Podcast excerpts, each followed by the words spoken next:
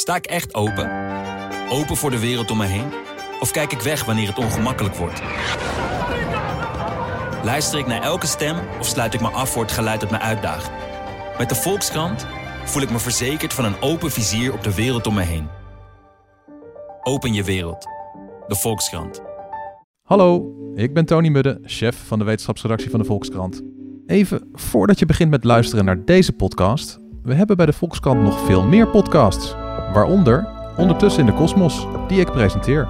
En waarin je alles te weten komt over wat er zich in onze kosmos, en dus ook planeet Aarde, afspeelt op het gebied van wetenschap. Dus luister en abonneer je in je favoriete podcast-app.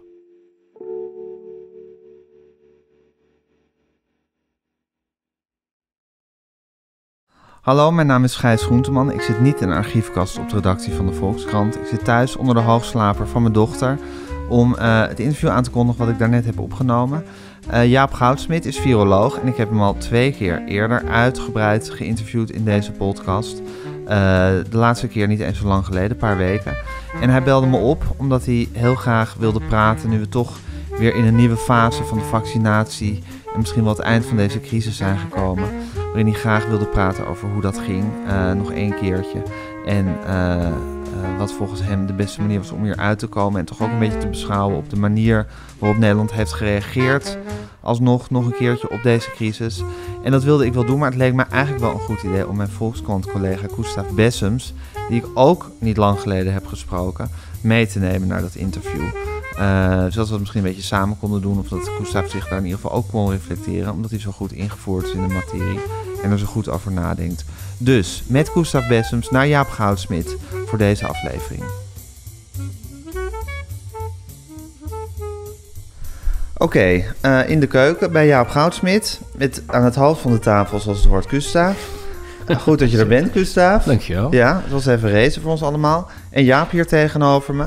Uh, Jaap, jij belde mij uh, om te zeggen van... nou, misschien is dit toch wel weer een interessant moment... ondanks het feit dat we elkaar niet zo heel lang geleden hebben gesproken... om, om, om nog even bij te praten en weer wat puntjes op de i te zetten... over de, de stand van zaken in corona- en vaccinland. Je, je, je ziet eruit alsof je me wil interrumperen en me wil verbeteren, of niet? Bijna altijd, maar ja. wacht nog even. Oké, okay, je wacht nog even. Oké. Okay. En toen zei ik, ja, is goed, interessant. Maar toen leek het me eigenlijk heel aardig om Gustav, die ik ook net heb gesproken, min of meer over ditzelfde onderwerp, maar vanuit een andere expertise mee te nemen. En Gustav, jij zei van, dat vind ik goed. Maar ik wil niet de verantwoordelijkheid over het interview hebben. Nou, even om, even, even om de spelregels helemaal, duidelijk maken. Helemaal uitspellen. Nou ja, goed, om ja. even duidelijk... Anders okay. denken ze tijd van waarom zit Gijs de hele tijd te praten... en vraagt hij niet genoeg aan Gustav? Oh, dat is of, nu waarom, jouw of waarom vraagt Gustav niet ook de hele tijd dingen? Ja. Dus ik heb de verantwoordelijkheid over het interview. Ik interview Jaap. Maar als ik als uh, jou iets te binnen schiet... of als jij een vraag hebt... of als jij ja. iets wil zeggen... of als ik toch ook iets aan jou wil voorleggen... dan, nee, klopt. Uh, jij, vroeg, jij, jij vroeg mij hierbij om redenen die voor mij niet meteen uh, evident waren. En toen dacht ik, dat vind ik toch wel heel leuk. Omdat je gewoon eigenlijk altijd wil meenemen. Uh, ook, ook om Jaap te ontmoeten. Het inderdaad zo afgesproken dat ik jou bescheiden sidekick ben. Ja. Uh, dus in theorie is het ook mogelijk dat, dat ik je, tot het einde mijn mond houd. Dat je nu gewoon luistert. En in ja. theorie is het ook mogelijk dat ik een vraag stel. Zeker. Aan jou. Ja, nou. Zeker. Nu hebben we denk ik en jullie mogen, mij, jullie mogen mij ook best een vraag stellen hoor, als jullie willen. Ja, ik denk dat we dat ook moeten doen. Als jullie de idioot hier aan tafel ook gewoon niet willen vragen, mag dat. Hé hey Jaap, uh, er is nu in het nieuws dat het, het Janssen-vaccin uh, eraan komt. Is dat, is dat groot nieuws of is dat geen groot nieuws? Nou ja, dat, dat hoor ik eigenlijk niet te zeggen, omdat ik er zo lang bij betrokken ben geweest. Dus ik zou de ingang anders zien. Hè? De, wat ik het belangrijkste moment van dit moment vind, is de, de, de, de situatie dat eigenlijk de technologie ons moest redden uit het probleem van deze crisis. En dat men dat ook moeilijk vindt te accepteren, dat er toch een zuiver technologische oplossing moest komen. Is een vaccin een zuiver technologische oplossing? Ja, het is een zuiver technologische oplossing. Uh, en het tweede wat mij dit moment zo markeert, is de opmerking die veel mensen hebben van hoe kan het nou dat iets wat vroeger 20 jaar duurde, nu ineens in één jaar voor elkaar te krijgen is. En dat heb ik ook proberen te ontrafelen. Van hoe zit dat? Dat is het, het, het, het, maken van een, van een nieuw vaccin voor een nieuwe ziekte. Ja, normaal ja. De, he, duurt dat echt. Uh, nou, de, er wordt een ontdekking gedaan en dan wordt de, de, de technologie ontwikkeld en dan wordt het uitgeprobeerd en dan zit je al twintig jaar verder en dan wordt het ingevoerd, zoals de griepvaccinatie bij de 60-plusser. En daar hebben, nemen wij altijd veel tijd voor, want het kost ontzettend veel tijd om, om dat te doen. In dit geval is er iets unieks gebeurd. Ik heb dat nog eens nagekeken. bijvoorbeeld het Janssen-vaccin vindt zijn oorsprong in de jaren 70. Dan kan je al nagaan, dan heb je het over 40 jaar. Toen vond Van der Epp in de Leidse Universiteit, die vond een, uh, een cellijn uit. Die, want dat, want zo'n vaccin moet gegroeid. Dus dat moet uh, in grote hoeveelheden beschikbaar tegen een hele lage prijs. Want vaccins zijn over het algemeen goedkoop. En die worden massa gebruikt of, of in bepaalde groepen, maar in ieder geval grote hoeveelheden. Dus daar vindt een soort academische oorsprong plaats. En dan vervolgens komt er dus een ontzettende ontwikkeling die 20 jaar heeft geduurd om zo'n uh, industrieel proces op gang te brengen. Dat je moet bedenken dat ik van 2011 tot, uh, nee, van 2000 tot 2011 alleen maar gewerkt heb om dit, uh, dit vaccinproductiesysteem zo te maken voor alle doelen. Dus dan is het een soort Lego-box. Ja. Waarin je de stukken stopt. Of je stopt er een stukje ebola in, of je stopt er een stukje... Ja, ja want dat vaccin is eigenlijk een basis. Of dat heeft, heeft een basis. En dat wordt aangevuld met uh, specifieke kenmerken voor een bepaald virus. Ja, dat bouw je erin. En dat, dat hele proces, dat, daar zijn een, dat heb ik ook in mijn boek Vrij van Corona beschreven, dat er, daar gaan vier of vijf Nobelprijzen aan vooraf, voordat dat allemaal in elkaar past, die, die Lego-stenen. En bij volstrekte toeval is het nu zo dat drie van die platformen, dus een RNA-platform, Moderna-vaccin, uh, het, uh, het Pfizer-vaccin en, dan, en het eiwit-recombinant-platform, dat bestond al langer. Voor geelzucht wordt dat gebruikt en andere. Dat was ook al 30 jaar aan het broeien. En, en, en toevallig ook nog dat adenovirus-vector-systeem, wat nu gebruikt wordt voor Sputnik, voor Astra en voor Janssen, om een paar voorbeelden te noemen. Die hebben, ze waren dus allemaal tegelijk uit de startblokken gekomen in de jaren 70. En op, bij God mag weten waarom, in 2020 in één keer beschikbaar waren. In ieder geval konden ze gebruikt. Maar als, dus, als dat coronavirus, om zeggen, tien jaar geleden was, uh, was Dan was uh, hier niet van terechtgekomen. Dan was, hier niet, dan, was, nee. dan was die technologie nog niet zo ver doorontwikkeld... dat er zo snel een vaccin uh, nee, en je had ziet kunnen nu nog worden ook ontwikkeld.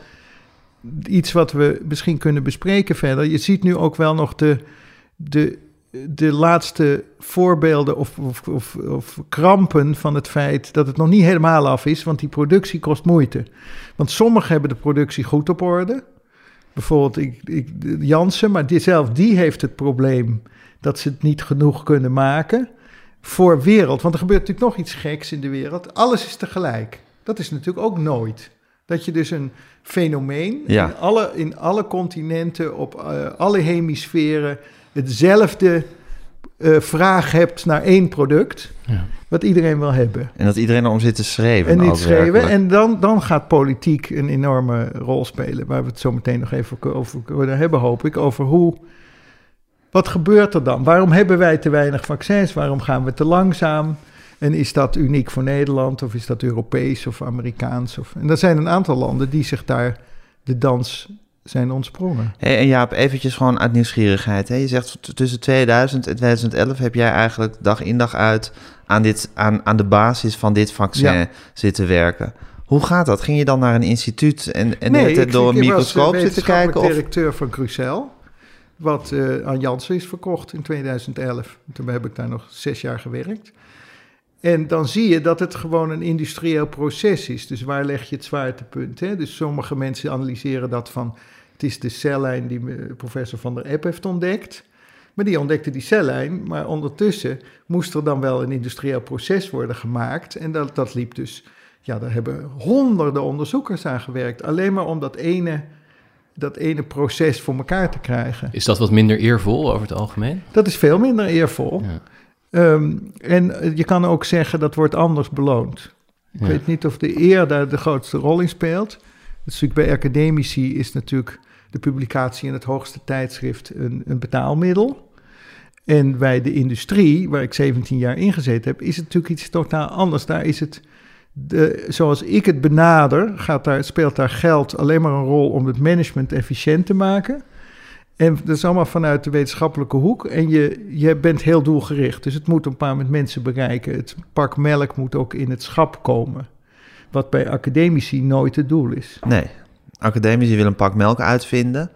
Ja, nou precies. goed, ik, ik ga het weer heel dom zitten parafraseren. En, jullie, en jij hebt er gewoon aan gewerkt om het te zorgen dat het geproduceerd kon worden en bij mensen terecht kon Ja, komen. daar komt heel veel wetenschap aan te pas. Ja. Maar op een ander soort manier. Ja, en we zijn dus nu eigenlijk op een wonderlijk punt in de geschiedenis... dat en die vaccins eigenlijk helemaal klaar waren om doorontwikkeld en, gebruikt te worden. geld. Toen kwam er geld. En toen kwam corona. Nou ja, er kwam corona. Ja. Maar er gebeurt meestal dan nog niet iets. Want de- dan zegt iedereen, ja, is dat wel commercieel haalbaar? En wat moet je ermee? Dus er gebeurde nog iets. En dat is een herhaling van eh 2003, 2004, zo'n beetje die tijd. Het is een herhaling van PEPFAR. En wat is PEPFAR? Dat is het geld wat beschikbaar is gekomen om geneesmiddelen voor AIDS te maken. Dat is door Bush gedaan. Die heeft dat gestart, dat programma. En dat heeft ervoor gezorgd dat er genezing, geneesmiddelen kwamen en therapie in 96 al, maar dat het ook overal in de wereld verkrijgbaar was, dat heeft Bush geregeld. En exact dat programma is nu herhaald, geheten Warp Speed. En die zijn gaan investeren in gewoon bijna als een klassiek investeringsmechanisme in een aantal industrieën. Die zeiden nou, want wat moet je doen bij een industrie? Die industrie is al iets heel anders aan eh, geneesmiddelen voor kanker bezig. En die is bezig aan honderden dingen. En die moet je dus uitkopen. Dan moet je zeggen, ja, we willen alleen dat Ja. aan COVID werkt. Je moet plek maken voor COVID. Ja, en dat kost geld. En die investeringen hebben twee landen meteen gedaan. Dat is Amerika en Engeland. En Engeland uit nationalistische overwegingen had een eigen vaccin in de maak. Dat had al een Zika-vaccin in die Lego-doos opgeleverd en een Ebola-vaccin. Komt oorspronkelijk uit een, uit een afdeling in Italië. Dat is de, want het heeft, dat maakt dan ook nog allemaal gangen door. En eh, die hadden dus een programma waarin we zeiden, nou, dat, dat gaan we aan doorbetalen. En die hadden ook het mechanisme, dat hebben de Amerikanen ook. Europa heeft niets geïnvesteerd. Ja, volgens mij, je hebt dit eerder gezegd, maar het wekt ook een beetje verwarring. Omdat als je von der Leyen hoort praten namens de EU, dan zegt ze: we hebben honderden miljarden in de productie ook, in de ontwikkeling ook eh, gestopt. Maar ik hoor Hugo de Jonge bijvoorbeeld zeggen: van ja. eh, we hadden ook in, in toeleveringslijnen en dat soort dingen geld moeten steken. Waar, wat heeft Nou, Europa nou precies... nou ja. want niks klinkt wel heel erg niks. Nou, niks als je kijkt naar de data daarover, dan bedoel ik met investering dat je risico neemt. En dat is niet gedaan. Dus wat er is gedaan, is een, een inkoopgarantie gegeven. En eh, op een heel laat moment. Als je kijkt wanneer de Amerikanen en de Engelsen zijn ingestapt. En daarom is Israël zo'n leuk voorbeeld. De Amerikanen en de Engelsen zijn ingestapt in, ik denk, mei of april, mei. En die, wat ik onder een investering versta, is het uitkopen van die opportunity cost. Met het risico dat er niets van terecht komt. En dat is, was niet de EU-filosofie. De EU-filosofie heeft heel lang gewacht, tot september ongeveer. En toen hebben ze niet gedaan wat Israël deed. Die hebben ook heel lang gewacht, die hadden ook niks. Die hebben toen gezegd, we nemen één vaccin, daar kopen we gewoon tegen elke prijs alles voor op... en leveren we ook een deel van onze privacy voor in, Ja, Met data. met data. Ja. Ehm, dat is een hele hoge prijs, maar dat is wel een interessante filosofie gebleken... als je het vanuit volksgezondheid policy bekijkt. De Engelsen... Want die hebben eigenlijk zo lang gewacht omdat ze wilden kijken welk vaccin Nee. maakt het meeste kans. Nee, die gingen zelf niet hard genoeg. Dat is natuurlijk vaak zo. Ze wilden zelf eerst zelf een vaccin ontwikkelen. Ja, dat zijn ze ook aan het doen. Ja. Maar Mm. dat, dat, er mislukt natuurlijk ook heel veel. Hè. Je moet bedenken dat van vaccins, eh, voordat dat de eindstreep haalt, is 95 tot 99 procent mislukt. Dat maakt het ook academisch ingewikkeld. Daar kan je niks in ontwikkelen, want je moet dan steeds weer geld ergens anders vandaan halen. Dus Dat dat, is- dus dat Israëlische succesverhaal eh, met de meeste gevaccineerden, dat was een noodgreep eigenlijk. Het was eigenlijk een, een noodgreep, omdat zij niet vroeg waren. Zoals, Ja. De Engelsen hebben- hadden het nationalistische belang dat in het Jenner Instituut van Oxford University was een, al een, een, een, een, zo'n drager, zo'n Lego-steen, dat noemen wij adenovectoren, gemaakt van een chimpansee. En er was daaruit geïsoleerd en dan een vector ingemaakt. Dat duurt ook een paar jaar voordat je dat in handen hebt. En die werkte daar al tientallen jaren aan. En dat was dus een Engelse uitvinding. En die hebben de, de Engelsen gewoon gefinancierd. Die hebben gezegd, nou, nu gaan we ook door. En eh, dat is redelijk goed gelukt. Ik bedoel, het had ook zijn, zijn hobbels. Maar want wij, om een voorbeeld te nemen van dat vaccin, wat samen is ontwikkeld met Astra. Daar wisten de meeste mensen van ons wel al dat ze vertraging opliepen. Dat is politiek interessant. Vertraging opliepen in juli. Dat was door doordat ze uh, en de dosis verkeerd hadden gemeten die ze gaven. en de var grote variatie in de tweede prik. En toen had je dus eigenlijk al, maar Nederland is, heeft dat punt gemist.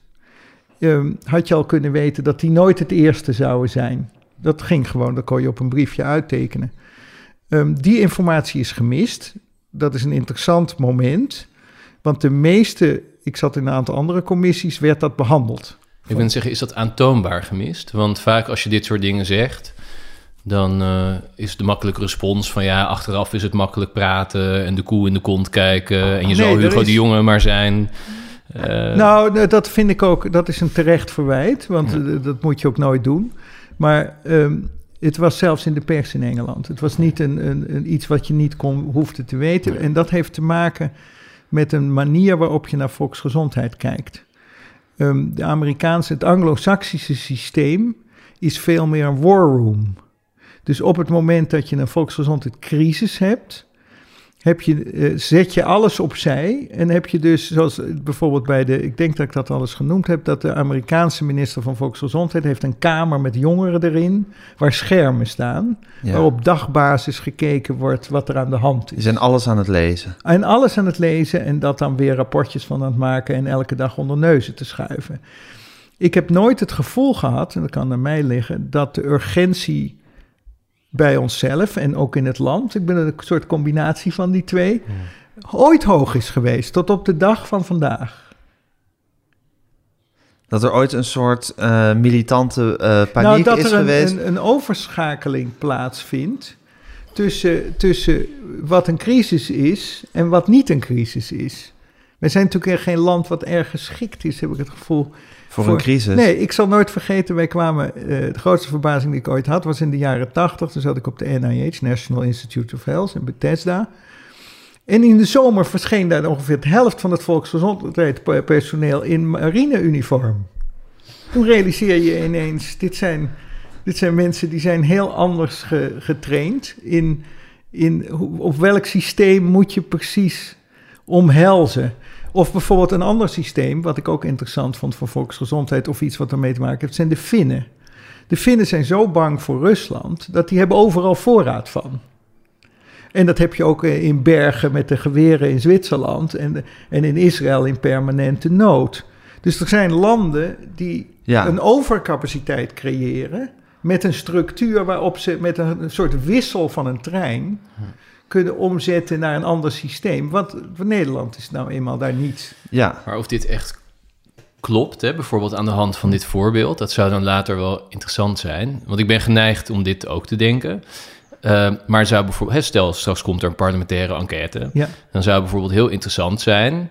Wanneer was bekend dat die vertraging kwam. Oh, precies. En wanneer had men dat kunnen en moeten weten? Welke stukken waren er misschien al wel op een departement beland? Als ze er niet zijn beland, is ja. dat ook interessant. Als ze er wel zijn beland, waar zijn die dan gebleven? En wat zijn er voor handelingen uit voortgevloeid, toch? Dan weet ja, je... Ja, dat, dat, dat, vind ik... Maar je kan ook zeggen... Um, was er het scenario denken bedacht. Ja. Ja. Kan je ook bedenken. Je kan ook zeggen, Wat nou, je, ja? nou, ik heb dat gegeven van dat falen, vind ik in het licht van wat je daarnet zei, uh, Gustav, is, is, is niet mijn thema. Mijn thema zou zijn, wat is die wissel die je om moet zetten? Die wissel die je om moet zetten is, van tien dingen kunnen er negen gebeuren, of tien, één van hiervan gebeurt, maar ik weet niet welke. Welke gokken durf je te nemen, met het risico dat dat allemaal politieke consequenties heeft? Dus wij hebben een heel afwachtend, afwachtende filosofie. Mm die ik zo nog even zal illustreren. Dat heb ik expres voor jullie nog even uitgehaald over ons preventiebeleid. Dat wij hebben de neiging om uh, handelen los te koppelen van het politieke uh, gebeuren en dat weer los te koppelen van de in instellingen. Ja, Dat kan En- misschien ook zijn voordelen hebben af en toe. Dat heeft in vredestijd ontzettend veel voordelen. Ja. Want je bent rustig en niemand wint zich op. En, Precies. en, en je hebt een, een, een goed leven. En wat Ja, jij... wat is daar eigenlijk precies het voordeel van? Dat je, Dat je rustig Dit- bent in vredestijd. nou ja, het heeft, geen, lekker- na, het heeft geen nadeel Nou, in je vredestijd. gaat- je gaat- nee, het heeft geen nadelen in vredestijd. En je kan ook zeggen, het maakt ook niet de roep om ergere straffen. En Nee, om allerlei, manier, ja. op allerlei dingen wint het mensen minder misschien Ja. op. Maar het viel mij het meeste op aan, een verschijnsel in 2018. Toen kwam net het, preventieakkoord uit. November 2018. Dat is een feitelijk mooi voorbeeld van zoiets.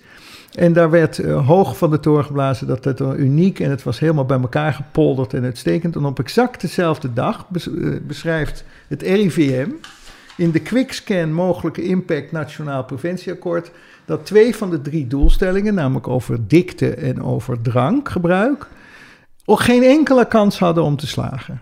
En toen was ik geïnteresseerd, dat is op dezelfde dag door een nationale instelling en eigenlijk door dezelfde overheid heeft een ander orgaan dat zegt, nou dat wordt niks. Toen vond ik interessant, wat gebeurt er nu? Nou, niets. Dus de- in plaats van dat de minister dan zegt, ik krijg nu uit mijn andere eh, kader, krijg ik nu dit rapport. En dat rapport dat zegt dat dit niks is, gaan jullie maar weer terug naar de tekentafel. En dat is wat er niet gebeurt. Dus wat je niet hebt, is een, het het lijkt het, ik bedoel, ik geef het voor een betere, een soort terugkoppelingsmechanisme, wat ik ook vergelijk met dat scenario denken. Dus ik vind minder interessant wat jij zegt over welke fout is er nu gemaakt. Ja, dat snap ik. Het is eerder, waar heb je rekening mee gehouden? En dat is een zekere mate van, Nou ja, maar om daar te komen moet je dat eh, vaststellen. Toch? Dus je, moet, hè, dus je zou zo'n voorbeeld zou je wel moeten tegenkomen en kunnen zien van hé, hey, dit was eigenlijk heel belangrijk geweest als dit was doorgedrongen en als er naar gehandeld was, of op zijn Ja. minst rekening mee was gehouden. Maar gelijk, dan is het risico dat er eventueel wordt gezegd, oh, was beter geweest als dat wel was gebeurd. Eh, en het andere eh, zou misschien inderdaad eigenlijk moeten gebeuren. Mijn vrees is dat dat helemaal niet gaat gebeuren straks. Hè? Dus er, er- ik er- denk dat je daar gelijk er in komen twee evaluaties aan, Ja. op zijn minst. Ja. Eén evaluatie is van de Onderzoeksraad voor de Veiligheid van Jeroen Dijsselbloem. En uiteindelijk zal er een parlementaire enquête komen. Maar je kunt natuurlijk op heel veel verschillende manieren evalueren. En mijn grote vrees is dat er zal worden geëvalueerd binnen de procedures. Dus binnen wat we gewend Ja. zijn Ja. te doen. Ja. En dan krijg je inderdaad wat jij, ja, volgens mij eh, niet wil. Namelijk dat er wordt gezegd, oeh, dat ging fout. Eh, we hebben dat ene ding Nee, daar gemist. klopt. En dat moeten we volgende keer niet missen. En een andere manier van evalueren is natuurlijk dat je je ook afvraagt... nou, hoe kan dat dan zijn En dat je de gebeurd? procedure zelf ook... Heeft eh, dat dan te maken, inderdaad, met dat wij überhaupt te veel geneigd zijn om altijd maar in onze vaste patronen te blijven zitten, de, de vaste procedures te volgen eh, en niet ons af te vragen, is eigenlijk het hele stelsel of onze hele manier van kijken eigenlijk iets wat anders zou moeten. En begint het niet veel eerder, hè? Want in wezen, ik had dat al een keer eerder besproken, wisten we als virologen natuurlijk wel dat dit nog een keer kon gebeuren. En dat wisten we al in 2003. En jij vraagt om documentatie. Ik had het in 2003 opgeschreven, letterlijk allemaal. En in de NRC, hele pagina, exact over het OMT en de structuur en weet ik veel. Dus dat Wat, gebeurt, wat moet er gebeuren wat moet er als er gebeuren om hier wel Ja. tegen bestand te zijn? Dus het is niet de kennis die op zich niet aanwezig is of hoeft te zijn. Maar het is bijvoorbeeld de, de, de, niet bij elke van die dominostenen kijken van lang geleden al. Dus je moet zeggen, oké, door de bezuinigingsrondes kunnen de GGD's ook nooit een snelle uitrol pla- plaatsvinden. En daar kunnen ze eigenlijk niks aan doen. Dus het is, de eerste neiging is, wat werken die GGD's toch langzaam? En, maar die tweede neiging moet zijn, hebben ze ooit de mensen gehad... en zit daarboven een structuur die dat gezien heeft... dat dat een gevaar had om dat te hebben. Dus ik heb eerder de neiging eerder te beginnen dan met... waar is dit begonnen? En het tweede wat ik een interessante vraag vind is... je had die vaccins ook kunnen beoordelen op hun verschillende problematieken. Dus je hebt er gewoon, eh, er, zijn er nu eh, 76 in clinical development en er zijn er nu 9 op komst. En je kan natuurlijk zeggen, laten we eens aannemen dat alle negen tegelijk verschijnen. Dat is een enorm probleem. Want ze hebben allemaal rare andere eigenschappen. Een tweede prik op 21 dagen, op 28 geen tweede prik. Hij kan op acht maanden ook gegeven, of op acht weken. Dat zijn allemaal goede wetenschappelijke argumenten waarom het een beter idee is dan het ander. Doet er even niet toe. Maar je kan natuurlijk zeggen, nou, heb ik, die zet ik allemaal op een rij. En ik neem eens aan dat ze allemaal tegelijk of in verschillende volgorde. Daar bestaat natuurlijk heus wel weer artificial intelligence voor. Om dat allemaal in een schema te zetten. En dan te denken, nou, als die het eerste komt, dan druk ik op knop A. Als het, als het niet Astra is, maar het is een van die vreselijke vaccins die je bij min 80 moet bewaren, welke knop druk ik dan? Ja. En wat doe ik dan? Want nu zei ze, ja, we hadden gerekend op dat de huisartsen de eerste ronde zouden doen, want dat was Astra. En ineens vielen dus en de logistiek weg en het vaccin kwam ook minder, of wat er ook allemaal gebeurt. Dus je, het, het is eigenlijk niet de verwijtbaarheid wat ik interessant vind, maar wat ik interessant vind is, wat is je manier van analyseren? Omdat er zo'n, het lijkt wel of de implementatieorganisatie totaal losgefietst is van het Haagse circuit en die weer losgefietst van adviezen. Dat is ook een interessant fenomeen. Dus er komt een gezondheidsraadadvies, dat is feilloos. Eerste prioriteit gewoon op leeftijd. Ook het enige criterium van Engeland en Israël, behalve geografie. Ja, Dan, dat is wat je zegt, gewoon iedereen vanaf de 60 en, vaccineren. en, en dan de deur dichttrekken als politicus. Hè? Dus dan zeggen, ja, ik ga het niet anders doen. Wie er ook nog wat zegt, dit zegt de gezondheidsraad, ik neem dat mee en ik doe dat en ik execute. ja, Of je zegt, ja, maar de acute zorg moet toch misschien nog wel het eerst, want die hebben het het zwaarste. Terwijl dat nou wel in het rapport staat, dat dat niet een logische gedachte is. ja. Dat je namelijk beter de IC's kan leegpompen. Dus je hebt advies van de Gezondheidsraad, je hebt de besluitvormers, de politiek en je hebt de uitvoerders, de GGD, die eigenlijk totaal los van elkaar Nou- min of meer opereren of losgezongen zijn, hoe je het wil noemen. Be- behoorlijk zitten daar disconnecten in, waarvan je dan weer kan afvragen: hoe zijn wij daar gekomen? Waarvan iedereen die ik daarover spreek zegt: ja, dat is eigenlijk toeval. Dat is eigenlijk, niemand heeft dat bedoeld. Het is niet ontworpen zo. Het is niet ontworpen zo. Er zitten wel efficiëntiedingen in. Hè? Dus we hebben veel minder IC-bedden dan omringende landen. Als je kijkt naar Duitsland zijn dat er 29 per 100.000. Bij ons zijn het er 6. Dat is een efficiëntieslag die in vredestijd het doet. Ja, Maar in, en daar heb je dus blijkbaar, zoals in Finland, dan een oorlogsdreiging voor nodig. Waardoor je heel veel mondkapjes hebt en heel veel ventilators. Die je nooit gebruikt, maar die worden elke keer getest. Want het vervelende van prepared zijn, is je doet heel veel voor niks. En dat houdt maar heel kort stand in mensen hun hoofd. ja. Maar het grappige is dus eigenlijk dat landen die geografisch gezien de hele tijd in staat van paniek zijn, of eigenlijk de hele tijd oorlog, oorlogsdreiging verwachten, ook voor een pandemie goed toegerust zijn. Veel of, de- beter. Of de juiste het, mentaliteit en de juiste, het juiste materieel blijken te hebben om hier tegen in het verweer te komen. En landen zoals het onze, die altijd kiezen om neutraal te zijn en een soort Nou. eh, door de mazen van, het wet te, eh, van de wet te glippen.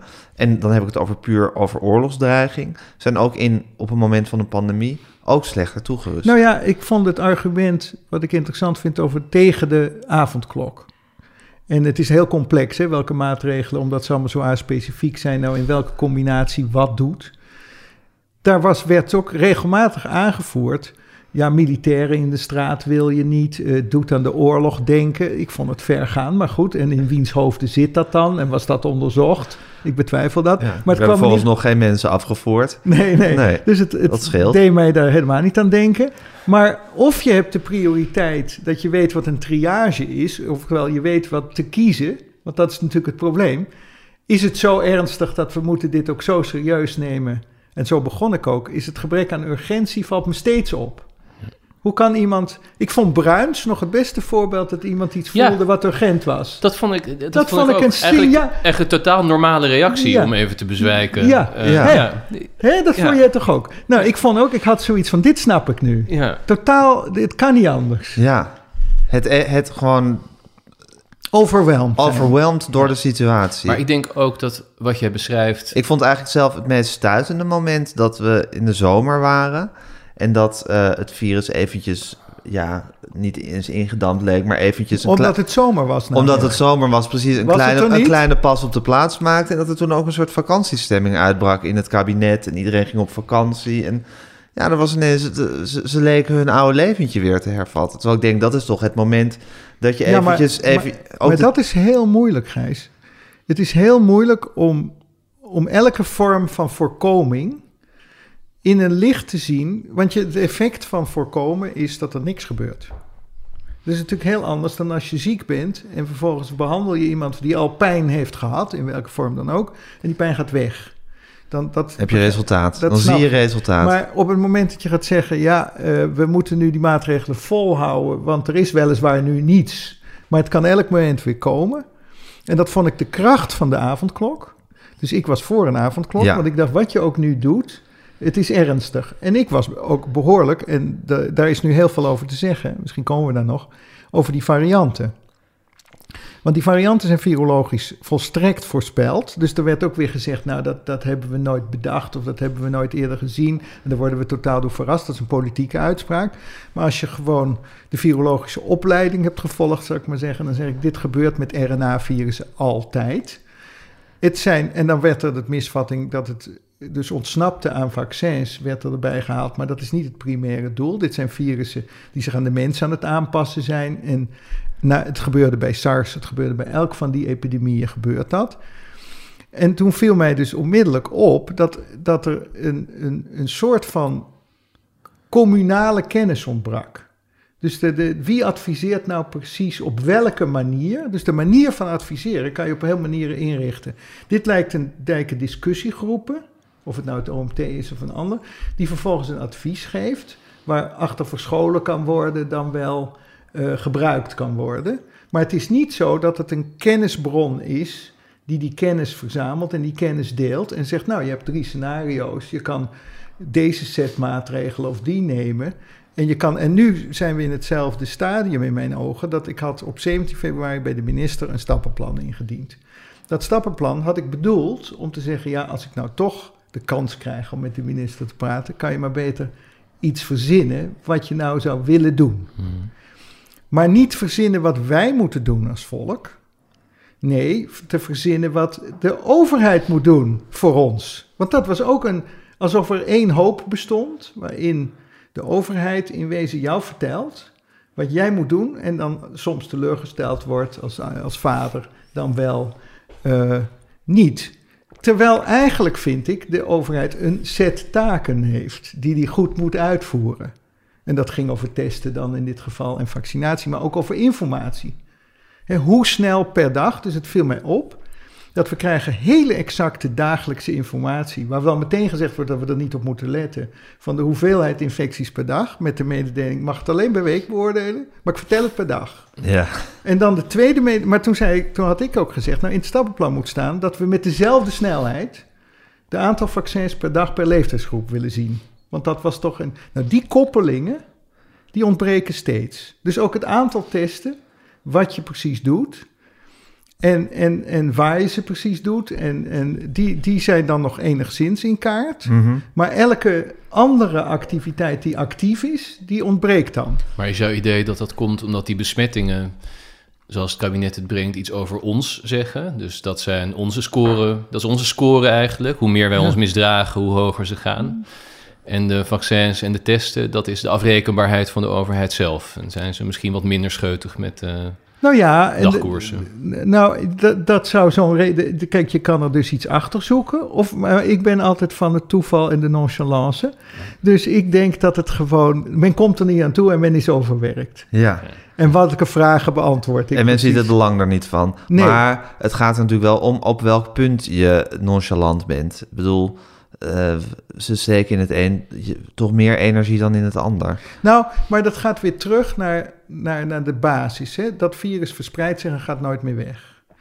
Dat, dat, we- dat, dat, dat is voorspelbaar dat dat gebeurt. Want je, je, je beschermt nu die mensen waar die, met een vaccin wat bedoeld is om ziekte en dood te bestrijden. En of het verder nog effect heeft, gaan we wel zien.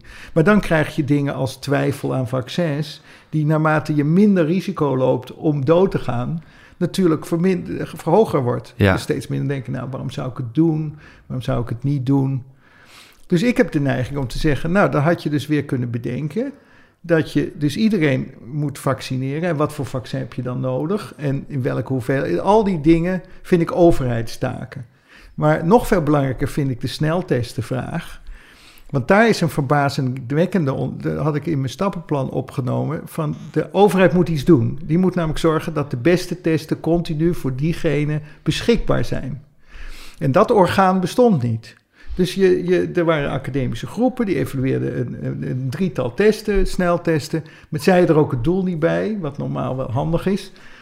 En, en daar bleef het bij, want dan gingen zij weer andere taken doen. Of naar China om de oorsprong van het virus te vinden. Of in plaats van bijvoorbeeld te zeggen, nou misschien komen er straks nog betere, nog snellere, nog makkelijkere. Wij blijven dat maar naar de markt brengen. Dus er zijn al in Amerika drie zelftesten goedgekeurd en in Nederland niet, want de overheid keurt zijn eigen vlees en zegt dan, wij mogen het alleen uitdelen. Overal moet een dokter of een zuster bij. Dus natuurlijk maar de vraag of de toekomst er zo uit moet zien. Dat je bij elke volksgezondheid aanval een dokter moet hebben. En een zuster. En een zuster. Ja. Uh, maar je had dus een stappenplan gemaakt, Jaap, wat je aan Hugo de Jong hebt aangeboden. En uh, uh, dat stappenplan ging dus vooral inderdaad over wat de overheid moest doen. Anders dan wat je de bevolking allemaal voor al niet repressieve Nou, maatregelen dat, moest opleggen. Dat het aan elkaar gekoppeld is. Dus je had drie, je had de dingen die de overheid moest doen. Die moesten dan wel gaan doen om op 1 juli open te gaan. En dan was ik een fan, wat iedereen nogal een vergaand stadium was, om alles open te doen. En mijn redenering was, als de overheid maar genoeg doet, dan moet dat kunnen. Want het is bedacht om iets te bereiken in de vorige keer. Nou, het rare is dat die scenario's, meer dan dat ik het fout vind hebben gegaan, want aan het begin vind ik niks verwijtbaar, want het is een grote rommel in maart. Je, zomer kan je zeggen, ja, die is verloren gegaan. Dan moet je wel analyseren, waarom is dat verloren gegaan. Moest op vakantie? Maar daar kan ik nog voor verzinnen dat dat heel moeilijk is om, als er niks gebeurt, mensen ervan te overtuigen. Toen hebben ze bij die avondklok... Ja, waarbij zij aangetekend dat dat helemaal niet gepoogd is. Want Nee. eh, in, jouw, in jouw verzachtende omstandigheid, preventie is moeilijk. Het is moeilijk om tegen mensen te zeggen over iets wat niet aan de hand is, pas ervoor op. Maar dat zou suggereren dat daar een verwoede poging toe is gedaan en dat dat niet is Nee. gelukt. Maar dat is niet zo. Nee, dat, dat respecteer ik. Dus Ja. er is weer met nonchalance Ja. mee omgesprongen. En daarna kan je zeggen, ik was zo enthousiast, dat klinkt raar, over de avondklok. Omdat daar anticiperend was opgetreden. Ja. Dus het was de eerste keer dat ze een maatregel voor de curve namen. Ja, ja, ik deel dat niet, omdat ik toen dacht, laat nu maar. Eh, ja, eh, dat is dan meer, jij bent dan meer blij om het principe eh, eigenlijk, omdat je... Omdat Ze je, kunnen anticiperen. Ja, dus je- yes. Ze kunnen anticiperen. Ja. Dus je hebt een klein jaar gekeken Hoe ze feiten zijn achteraan aangelopen. rollen. En dan op het moment dat het er volgens Niet- mij feitelijk niet echt meer toe doet, doen ze een, een soort eh, harde, impopulaire stap vooruit. En dan ben je eigenlijk toch opgelucht Nou, dat het een keertje nou, gebeurd is. Ik ben, daarna word je dan wel weer teleurgesteld, omdat daarna de overheid weer zijn tijd niet gebruikt, zo zou ik het willen formuleren, om in die volgende stadium het weer los te kunnen laten. Ja. Want de hele gedachte van dit soort aspecifieke, rampzalige maatregelen, de achtergrond daarvan is dat het moeilijkste is om ze op te heffen. Want je krijgt altijd schuld als policymaker, lijkt me. Want het gaat mis. Of, eh, nou, en nu, zag, nu vond ik het belangrijkste feit dat het niet ging om de derde golf. Dus nu gaat het om semantiek in mijn ogen. De derde golf van ziekte en dood moest worden vermeden. De derde golf van het virus interesseerde me niet meer. Want dat vaccin, dat komt, moet er net zo snel uitgerold. Die testen moeten uitgedeeld en bij de drogisten krijgen. En dan ging iedereen zich afvragen, ja, maar kunnen mensen dat wel, zo'n zelftest? Dan zeg ik, ja, als ze hun eigen DNA kunnen opsporen om uit te zoeken waar ze vandaan komen, dan kunnen ze dit ook.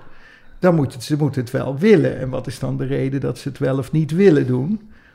Maar de overheid zorgt er dus niet eens voor. Hè, Dat het mogelijk dat is. er genoeg Ja. testen in Nederland zijn. Heel even, want zo- als het Ja, mag, zeker. anders moet je me maar intomen. eh, Nou, Gijs. jij wilde mij de verantwoordelijkheid over het interview Ja, geven. sorry. Ja. Ja, Eh, Maar nu nemen we het over, Gijs. nee, heel graag. was jij uitgenodigd door Hugo de Jonge Ja, vanwege je boek? vanwege het boek en vanwege de media. En had je hem al eerder gesproken? Nooit. Oké. En je dacht, dan mag ik langskomen vanwege mijn boek, neem ik een stappenplan mee over, over testen en vaccins. En hoe lang hebben jullie gesproken? Nou, dik een uur. Dat was voor een half uur gepland, een dik een uur. En ik vond het een. Ik vond het een. Ik kreeg er een totaal andere kijk op. Dus dat vond ik fascinerend. Het was een heel, ik dacht, ik maak. De dag ervoor, ik werd opgebeld het begin van die week. Toen, toen zeiden ze, over drie weken zou het leuk met vrienden. En toen heb ik gezegd, ja, over drie weken heeft het geen zin meer. Laten we dat nu, het komt in dezelfde week. En wat dat vond ik, gezien de urgentie, dacht ik, dit Ja. is natuurlijk een merkwaardig experiment. Dus laat ik eens kijken of je over binnen een week kan. Dat kon. toen was dat gesprek met twee eh, eh, ambtenaren erbij, wat ook heel nuttig was, moet ik eerlijk zeggen. En toen dacht ik, toen ben ik gaan schrijven. Toen dacht ik, ja, als ik nou nou toch zit, laat ik dan een bijdrage leveren aan de oplossing van het probleem. En ik zeg niet dat dat ook gebeurd is, maar het viel me wel op dat de 1 juli datum ging vallen. Mhm. Ik had een plan gemaakt, hoe heette het ook alweer? Stapsgewijs uit de coronacrisis voor 1 Ja. juli. Ja. En met verantwoordelijkheid bij de overheid leggen. En ik moet zeggen dat dat gesprek in het begin moeilijk liep. Als je daar details over weet, want het was geen geheim gesprek. Dus het, het, het viel me op dat er, er wordt tegen je gezegd, bijvoorbeeld, ehm, ik ging dan over die varianten opsporen. En toen zei hij, ja, dat doen we heel goed. Ik zeg, ja, maar dat hangt af van of je de eerste kan opsporen. Niet of je aan het eind nog een keer die varianten kan vinden en kan zeggen, hé, het is toch helemaal variant geworden. Hij zei, ja, maar we doen er heel veel. Ik zeg, nou, hoeveel doen jullie er? En toen zei hij, nou, eh, honderden en binnenkort duizend. Ik zeg, nee, jullie doen er maar 400 per week. En dat, dat had het RIVM me verteld. En eh, we gaan naar 1200. Toen zei ik, nou, met 30.000 infecties per week... is dat waarschijnlijk een factor 10 tot 100 te laag. Want je begin, de begin ga je niet zien. Ja. En dat zijn allemaal dingen die je weer vertalen kan aan, aan capaciteitsopbouw. Dus je kan dan zeggen, ik moet grotere labs en meer labs... en die moeten dat allemaal zitten doen. En een infrastructuur. En was dit dan moeilijk omdat jullie het gewoon niet eens waren? Of omdat het onwelkome informatie... Wat was er Nou, ik vond hem openstaan. Dus het was niet een gesprek van... Het was eerder een gesprek van... Ik, hier zit iemand die is het slachtoffer van heel veel omstandigheden. Dan dat ik dacht, dit is een, eh, iemand die policy... En van welke omstandigheden was hij dan slachtoffer? Nou, ik denk dat, dat zo'n politicus op een, in een situatie komt... met een bepaalde competentie...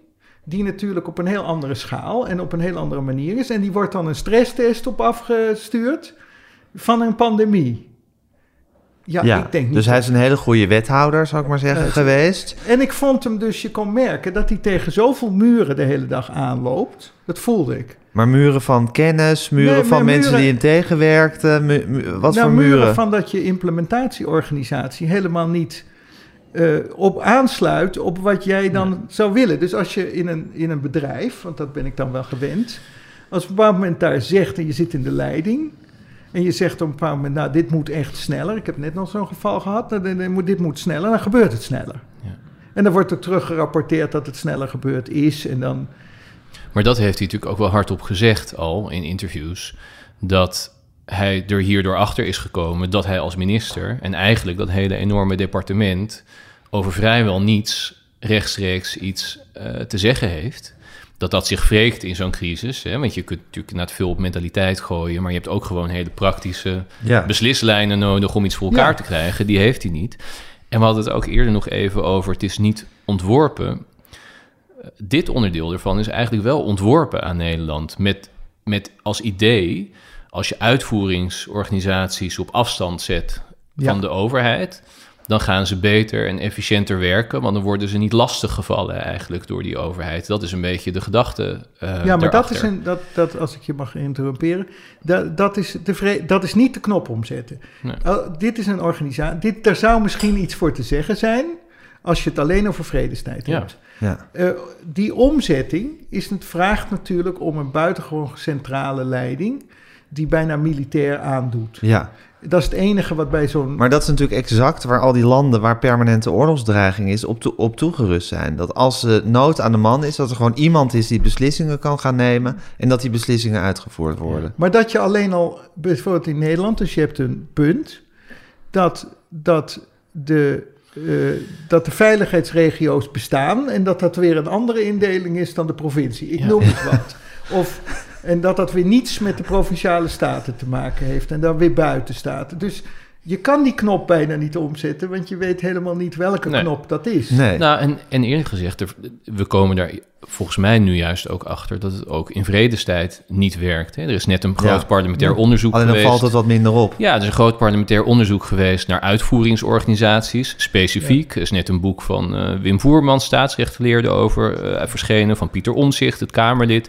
En eigenlijk in al die boek, eh, boeken en rapporten zie je dat uitvoeringsinstanties in Nederland zijn een soort vrij zwevende, zelfstandige koninkrijken geworden. Waar eigenlijk geen rechtstreekse zeggenschap vanuit het bestuur over is. En dus ook niet echt goede democratische controle. Want die bestuurders worden door onze volksvertegenwoordigers gecontroleerd. Maar als die bestuurders al niet eens rechtstreeks kunnen ingrijpen, is die controle ook minder waard. En de enige manier waarop ze dan alsnog er controle over kunnen krijgen, is door regels te stellen. En Ja. ze dus met regels te prikkelen of in te perken. Dus wat je dan voor dynamiek krijgt, is dat vanuit de Tweede Kamer of vanuit ministers zelf Regels worden gesteld. heel veel meer regels. Dan krijg je bij die uitvoeringsinstanties weer een soort enorme afweer. Van, oh, daar heb je die gekken van de politiek weer. Die, die, hè, die ons het werken onmogelijk maken met krankzinnige procedures. En we moeten nog meer verantwoording afleggen en nog meer schrijven. Papierwerk bij de huisarts. Ja, Dus er is een soort eh, bestuurlijk monster eigenlijk gecreëerd. Dus ik, wil- dus ik kom toch een beetje terug op onze vrede-oorlogstheorie die we eerder hadden. Ik denk Mhm. eerlijk gezegd dat, dat dat qua mentaliteit wel waar is. Dat dat gewoon scheelt of je ervaring hebt gehad of niet. Maar het idee dat Nederland goed is georganiseerd voor vredestijd en slecht voor Nou. crisis, dat, dat is volgens mij... Nee, maar daar, daar zijn, ook, daar zijn Ja. ook kanttekeningen. Daar- maar ik zie dat meer als een glijdende schaal. Waarin je zegt, ja, als de eisen aan de gezondheid relatief laag zijn en simpel, Ja, dan is het makkelijker om daar, om daar nog doorheen te managen. dan het is op het moment dat je een slagveld op moet. Tuurlijk. Ehm, dus dus het, ik Zeker. ben het dus wel met maar je het is eens. misschien ook een soort overheidsfobie die er is ontstaan. Dat er in Nederland natuurlijk altijd een soort efficiëntieverslaving is. Omdat alles, alles altijd zo efficiënt mogelijk moet. En er toch denk ik in de jaren negentig het, het hele diepe idee is ontstaan... dat alles wat met de overheid te maken heeft... of door de overheid geregeld wordt, dat dat inefficiënt is. En dat dat vooral bij de overheid weggehouden moet worden. Ja. ja, maar het is ook weer niet echt weggehaald. Hè? Dus nee, wat je, dus echt, wat je, echt weg krijg je natuurlijk Dus nooit. wat je heel veel hebt in Nederland zijn dingen die heten zelfstandige bestuursorganen. Ja, Eh, en dat zijn dus die vrijzwevende dingen. Dus Ja. die zijn, ze zijn genoeg weggehaald van de overheid om er iets over te zeggen te hebben. Eh, maar ze zijn ook nog genoeg overheid om niet, ze hoeven zich ook niet te bewijzen op een markt. Of, Ja. eh, En je krijgt de overheid die inderdaad alsnog invloed wil en misschien ook wel moet uitoefenen. En dan krijg je Ja. een gigantische regeldruk, Precies. protocollen voor alles, ja. formulieren maar die voor elke scheet ingevuld moeten worden. Dat als je het gezondheids... om dat even terug te brengen naar vaccin-doelstelling... die schrijft een uitstekend rapport. Er is werkelijk niets op aan te merken met motivatie en alles. En hoe je het moet doen, schrijven ze er ook nog in. Ja. Dan vervolgens wordt dat niet opgevolgd door dezelfde politici. Mhm. politici en het wordt gemarginaliseerd. Dus er wordt, en er wordt dan gezegd... we volgen letterlijk het gezondheidsadvies. Als je het leest, is dat niet waar. Nou... Dat is natuurlijk jammer en dat heeft te maken met dat er ook niet het gevoel is dat als die regel er eenmaal is, dat die regel er dan ook is. Ja. Ja. Dus er is dus heel veel speelruimte ook nog gecreëerd. Behalve dat eh, wat jij noemt over die implementatie. Is er ook nog heel veel speelruimte dat het absoluut verantwoord is, om wat voor reden dan ook. Dat was wat Roel Coutinho op een bepaald moment ook al bracht. Van als de gezondheidsraad laat je er dus een maand over nadenken hoe dit moet. Dan zeggen zij hoe dat het beste kan. En dan zeg jij, ja, maar we gaan toch eerst beroepsgericht aan de slag. Ze dat heeft- weer ging vaccineren. ging Ja, dat. Maar dat Ja. heeft volgens mij met diezelfde loskoppeling te maken. Want eh, wat Hugo de Jong natuurlijk wel graag zegt is... het is zo onhandig dat ik er niks rechtstreeks over kan zeggen... want ik kan niks doorzetten. Maar er zit ook een andere kant aan. Als je wel rechtstreeks verantwoordelijk bent voor de uitvoering... dan komt daar ook die enorme verantwoordelijkheid bij. Dus volgens mij hebben die politici ook een hele ambivalente houding... in dit complex van adviesraden, uitvoeringsorganisaties en Ja. zichzelf. Want ze, ja, ze kunnen klagen dat ze het niet kunnen doen... Ehm, maar ja, dat heeft dus ook iets eh, lekkers. Het koppelt je ook los. Je kunt Ja. dus ook zo'n gezondheidsraadadvies ja, niet helemaal in de praktijk brengen. Het is een advies. ja, Ja. ja. en ook de uitvoering valt ook weer niet helemaal rechtstreeks onder jou. Dus, dus je bent er ook weer niet helemaal aanspreekbaar op. Ja. Maar Jaap, jij zat dus bij Hugo de Jonge. Om te beginnen moest je hem af en toe wat, wat, wat, wat, data en feiten en getallen uitleggen en, en corrigeren. En je had het gevoel dat hij eigenlijk... Dat is iemand die het graag over een dashboard heeft, waar die achter zit. Maar dat dat dashboard eigenlijk nergens echt op aangesloten was. Nou, het ingewikkelde is denk ik, ja, die aansluiting mis je. Want wat zit er dan achter? Hè, weer achter, ik bedoel, het, eh, is, ik, viel mij dus op ehm, hoe de kennisinformatie stroomt van bijvoorbeeld het RIVM in werkelijkheid. Wordt het niet vertaald naar iets waarvan je zegt, nou, dan heeft u dus deze mogelijkheden om te doen. Wij weten het ook niet precies welke het beste is, dus dan moet u maar kiezen. Dus ook het, de vorm van het advies, wat bij, bijna is Een vriend van mij die zei, die zei gisteren tegen me: Ja, er is in Nederland ook geen school, school for public eh, policy. Dus er is eigenlijk geen politicus die weet hoe je dit zou moeten doen, omdat ze allemaal uit, nog uit de, uit de pilaren komen en de zuilen. Dus de, de, de, je moet van een bepaalde partij zijn en dan Ja. moet je maar hopen dat dat de kennis oplevert. Of de, Er wordt eigenlijk veel politici verweten dat ze beroepspolitici zijn, maar eigenlijk zijn er helemaal geen beroepspolitici in Nederland. Ook maar mensen die, die, die via die partij omhoog geklommen zijn. En nou ja, nee, dat noem ik wel. Ik vind het wel beroepspolitici. Ja, maar Ehm, niet dat ze zo opgeleid zijn. Maar het is niet zo dat er een opleiding bestaat. Nee. Ze zijn, ze zijn politici van beroep. Ja. Maar dat is toch wat anders dan hele professionele ja, politici. Ja, en, en dat bestaat wel. Ja. De- Nou, en de pool is heel klein. Hè? Dus dat vind ik ook altijd heel interessant eraan. Er is, geloof ik, anderhalf, 2 procent van Nederland is lid van een partij. Je hebt in Maastricht heb je een hoogleraar gehad, Tak heet die geloof ik. Die heeft ooit wel eens becijferd dat je ongeveer evenveel politieke functies hebt. Als je alles meerekent, Ja. ook alle indirecte benoemingen, als, er leden van, de partijen. partij. Ja, precies. Ja, en dan moet je nog nagaan dat eh, PVV'ers bijvoorbeeld, die komen niet in aanmerking Ja, voor dus als je een beetje een En actief SP lid van een partij bent, dan heb dan moet je je echt je best doen om, om geen niet, baantje te ja, krijgen. niet Ja. in een functie terecht te komen. Maar eh, ja, jij zei ook dat gesprek heeft mijn hele kijk veranderd. Waar zit dat dan in? Nou ja, de kijk zit erin dat ik een, een zou bepleiten. Hè? Wat, wat, is de, wat is het normale proces? En toen dacht ik, ja, ik ga wel door met, met mijn idee hierover. Dat je moet zeggen, het normale proces is dan dat het eerste jaar wordt er meteen gedacht aan een pandemiecentrum. Ik geef een voorbeeld.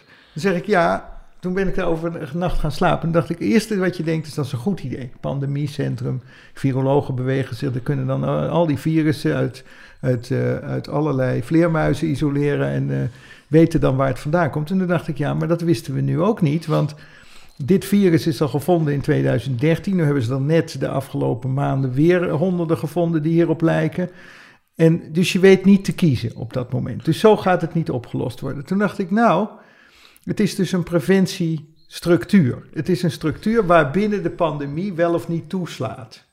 Dus je, ik, ik zou dus bepleiten, maar dat bepleit ik al een tijd, dat, dat ik zeg, nou, je moet een soort preventiewerken creëren. Je moet miljarden verschuiven van, naar die preventie toe en daar een aantal, een aantal scenario's neerleggen. Van nou, er kan een pandemie optreden en dan gebeurt er dit. Of er, dus het is bijna een protocol wat je dan ook bij iemand neer moet leggen die dat gaat volgen. Want dat is dan nog het probleem. Want het, het grote probleem is nu nog steeds, omdat het probleem van veel soorten vaccins, die allemaal hetzelfde doen. Hè? Dus de, de, de manier waarop ze beschermen, de manier, is, is zo sprekend op elkaar Het lijken. zijn allemaal auto's, zoals je Het volgens zijn mij allemaal zei. auto's, ja, precies. Die, die allemaal de gaspedaal op dezelfde plek en het stuur op dezelfde plek hebben, maar wel allemaal anders uitzien. Maar ze hebben dus allemaal rare eigenschappen. Een tweede prik op een bepaalde dag, die heel veel IT vraagt. Dus dan denk ik, nou, een van de winsten van Israël als les voor mij, of Engeland, is de koppeling van het ziektepatroon. Dus wa- wat heeft iemand als een po- paspoort? Dan krijgen wij altijd meteen een kramp van privacy. Maar je kan natuurlijk zeggen, iemand heeft dat op zijn minst zelf. Bijvoorbeeld het feit wat in Israël en Engeland heel belangrijk was, is heb je corona gehad? Dat is gewoon de koppeling tussen het alle testen op individueel niveau en iedereen die een vaccin krijgt.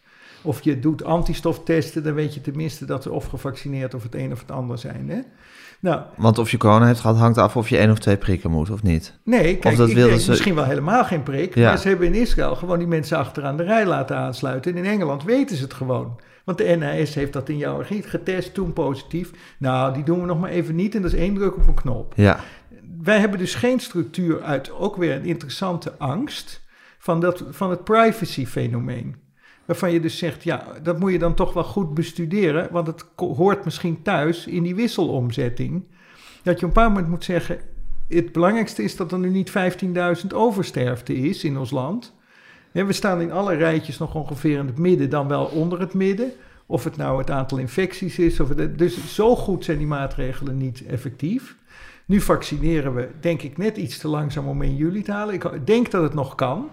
Als je gewoon maar doorvaccineert. dus we willen nu toch ook vaccinatieweekends gaan houden? Ja, maar dat en- is dus allemaal wel heel goed. Ik bedoel, als we Ja. nou even Ja. het omdraaien, dan hebben ze nu... Nee, dat vind ik ook heel... Dat, ik word daar heel blij van. Ik ook. En ik merkte dat, dat er al een omslag plaats aan het vinden was. In alles moet eigenlijk wel snel. Ja, want dat zat ik me ook nog af te vragen. Eh, jij kwam op een gegeven moment met dat idee, hè, prik gewoon alles door elkaar. Maakt niet uit welk vaccin. En zorg dat eh, A, alle 60-plussers, B, alle jongeren met onderliggende Ja. condities... in elk geval één eerste prik hebben gehad. Doe dat voor de zomer. En ga dan open. Hè? Dat Ja. was kort, kort samengevat jouw plan. Ehm, je zou kunnen zeggen, wat... Nou, ten- eerste, daarmee zeg je toch ook iets anders dan de Gezondheidsraad op één punt. Hè? De Gezondheidsraad zegt, je nee, moet twee prikken. Nou, de Gezondheidsraad houdt zich aan de binnen de industrie Precies. aangevraagde Ja. manier van de maximale, het minimale risico bij het maximale effectiviteit. Dat is iets anders dan dat je een crisis hebt waarin je zegt, ik heb een groep wetenschappers, eh, die zeggen mij dat die vaccins allemaal behoorlijk hetzelfde doen, dat weten we nu.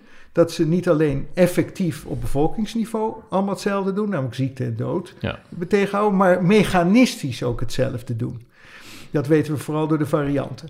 Nou, de, de, als ze mechanistisch hetzelfde doen, en je weet nu ook nog, dat is nu zeker een maand oud die data, maar die nemen toe, dat de eerste prik doet 70% van het effect en de 20% komt er nog een keer Ja. bij daarna. Dan, dan is de redenering zou kunnen zijn, of je bent be- eh, bevrijd doordat je geïnfecteerd bent geraakt, heb je documentatie voor nodig. Die hebben sowieso, als je ze al een prik geeft, maar één nodig. Ja. Je kan ook zeggen, omdat het allemaal hetzelfde is, geef ik ze gewoon door elkaar. En ik ging nog een stap verder. Je had ook in december Brabant kunnen vaccineren, want Ja. dat was een logistiek. Precies, omdat dat dichtbij was. Ja. De huisarts Maar tegenover. als ik, het, als ik Hugo de Jonge nu goed begrijp, dan zegt hij eigenlijk...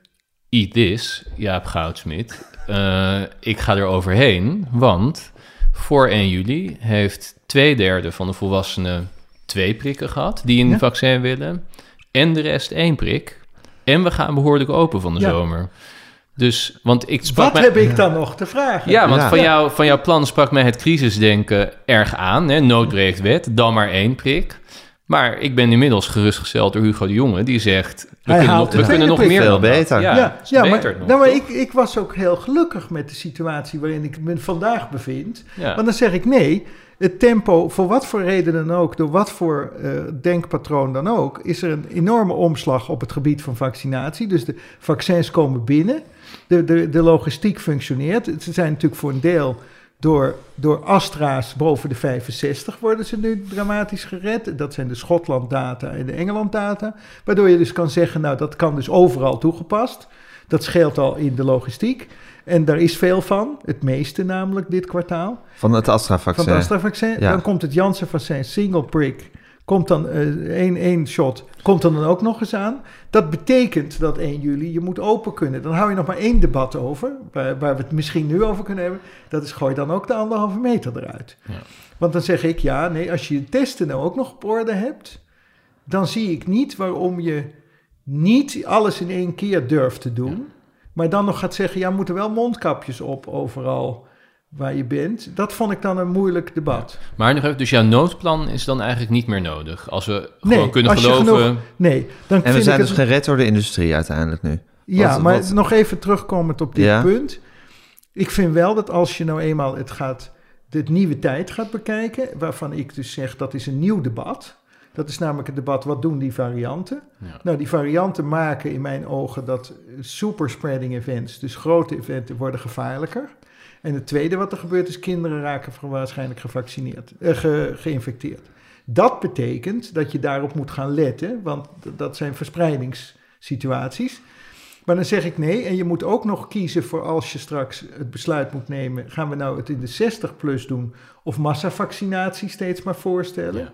Waarvan ik zeg 60-plussers zou ik doen, want dan kan je het in de logistiek en dan neem je een one-shot vaccin. Want dan kan het met de flu mee.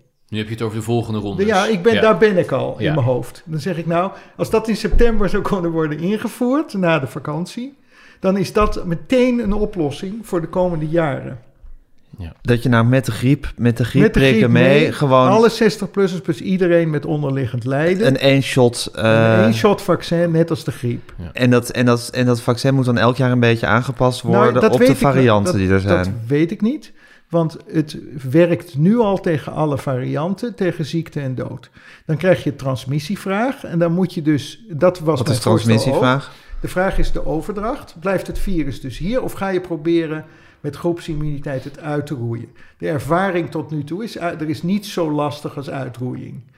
Dus, of, en dat gaat meestal via behavior en sociale systemen. Dus imams die in, in, eh, in, in Nigeria vaccins gaan weigeren. Dus, dus de, dat is zo'n complex iets dat ik zeg, hou er nou rekening mee dat iedereen die jonger is eh, Ja. eh, besmet raakt. Ja, En kans, net als griep. En dan maar- nemen we op de koop toe dat een aantal van die jongeren lang ziek zijn. Daar, daar wou ik nu op komen. Dus Ja. dat je moet nog iets vinden voor het probleem dat er een laag risico is, maar een zeer significant risico. Dus dan hebben we het over 5 tot 10 procent, die dus negen maanden ziek blijft. Ja. En dat is een ramp.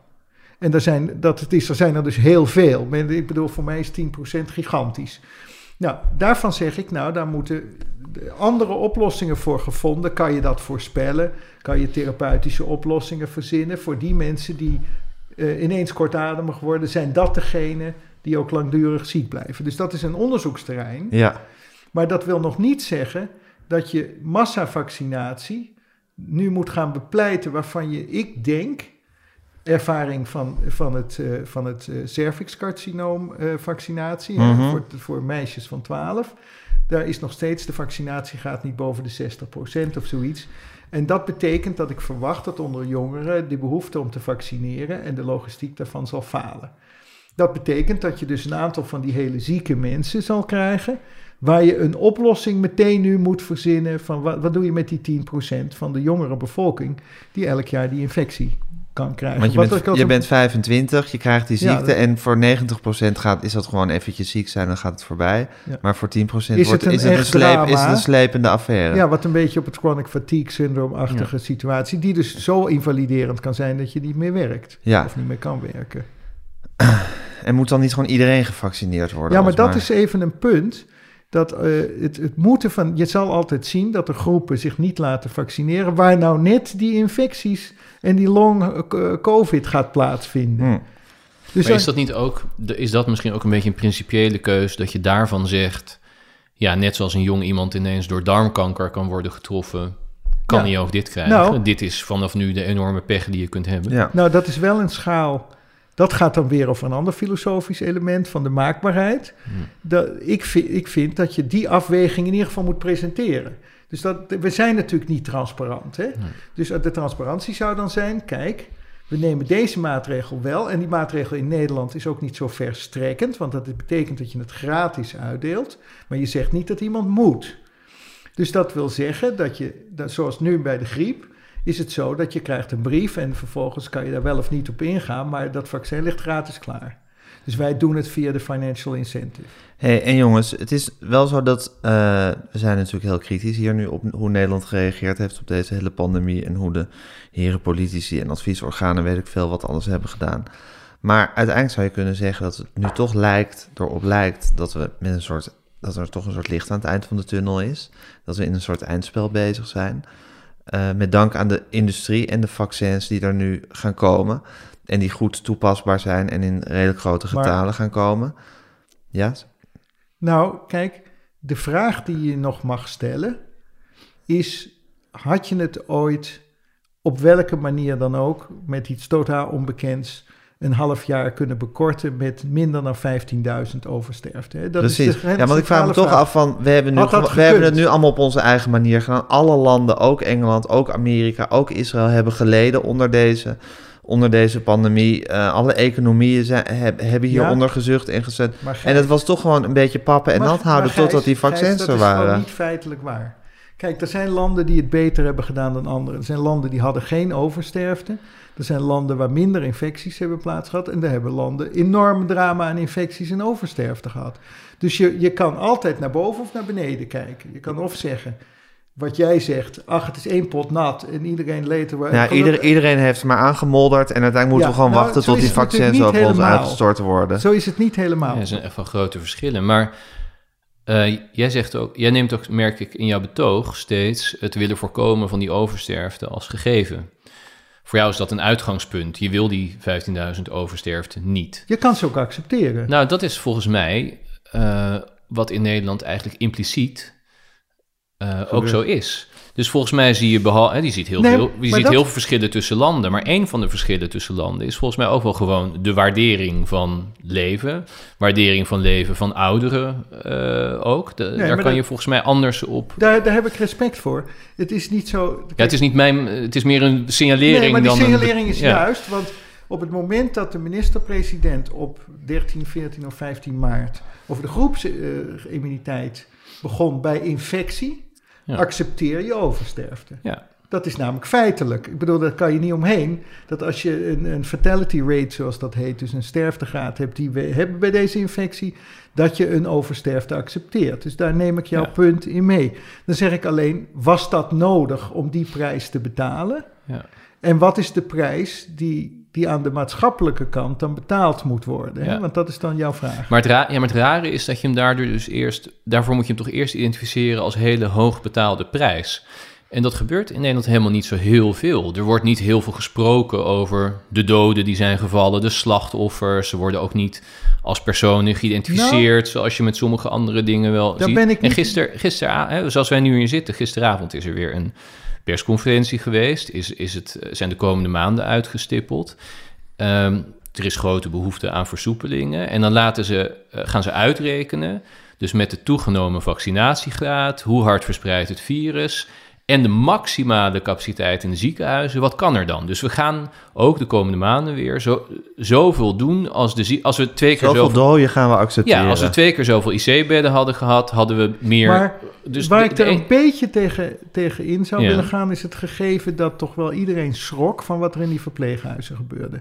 Dus eh, het, het was alsof dat ze overviel. Dus als het was geweest, we nemen als prijs die oversterfte impliciet, dan zeg ik nou, ik heb hem dan liever expliciet. Zeg dan tegen Nee, me, ik ook. Ja. ik heb hem dan liever expliciet. En dan zeg ik van, ik wil niet overvallen worden door iets wat je weet. Namelijk op het moment dat je eh, in een situatie belandt dat je dat accepteert. Wat impli- impliciet in het idee van de groepsimmuniteit zat door infectie in plaats van door vaccinatie. Dan accepteer je het impliciet. Maar ik denk dat het toch in niemands hoofd zat, maar misschien ben ik daar naïef in, dat het die oversterfte gaat kosten. Er was, schrik, Ja. er was schrik over die verzorgingshuizen. Dat heeft denk ik ook veel te maken met de erbarmelijke omstandigheden Mhm. in die verzorgingshuizen vaak sowieso al. En helemaal toen op een gegeven moment ook nog de boel op slot was en mensen daar alleen moesten sterven. Het, Ja. het is heel erg over er dat geen soort dingen. afscheid genomen Ja, mocht worden. Maar als het sterven een beetje waardig gebeurt, hè, dus eh, een beetje de lijn van mensen in Nederland als, als Helene Dupuy bijvoorbeeld, dat wordt altijd heel gunstig ontvangen.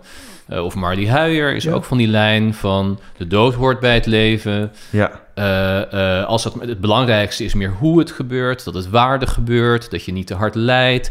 Daar ligt voor mijn gevoel veel meer accent op dan wat je in sommige andere samenlevingen hebt. Een soort drift. Van hallo, Om- zoveel om doden leven gaan we niet redden, accepteren. Ja, maar zelfs daar zitten wel grijstinten in, in mijn, mijn optiek.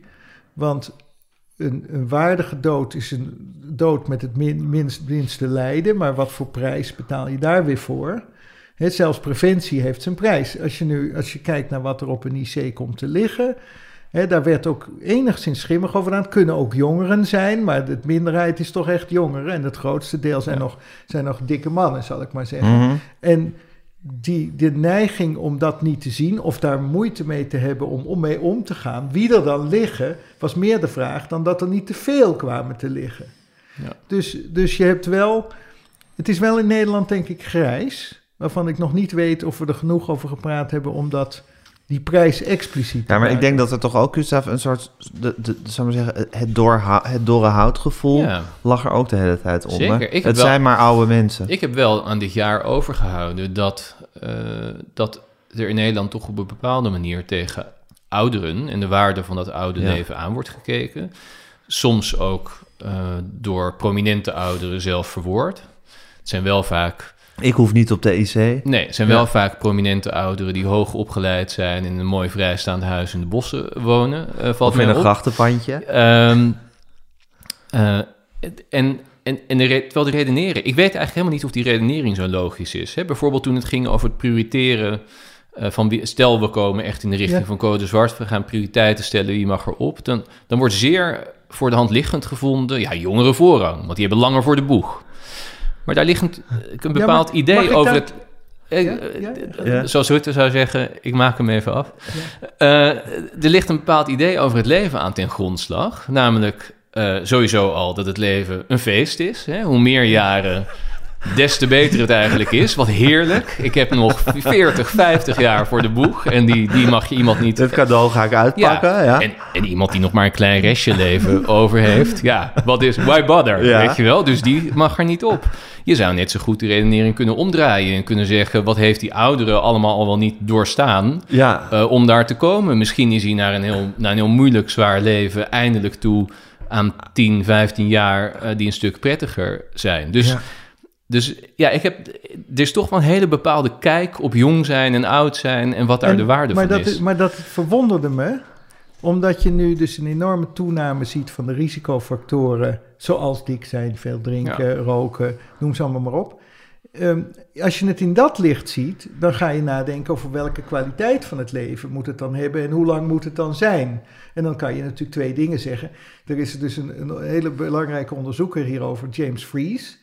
Die, die heeft dat dus helemaal bedacht. Die heeft dus bedacht van ja, als je nou het leven verlengt, moet je natuurlijk ook wel zeggen dat het lijden verkort wordt. Want anders dan, wat is het nut van dit geheel?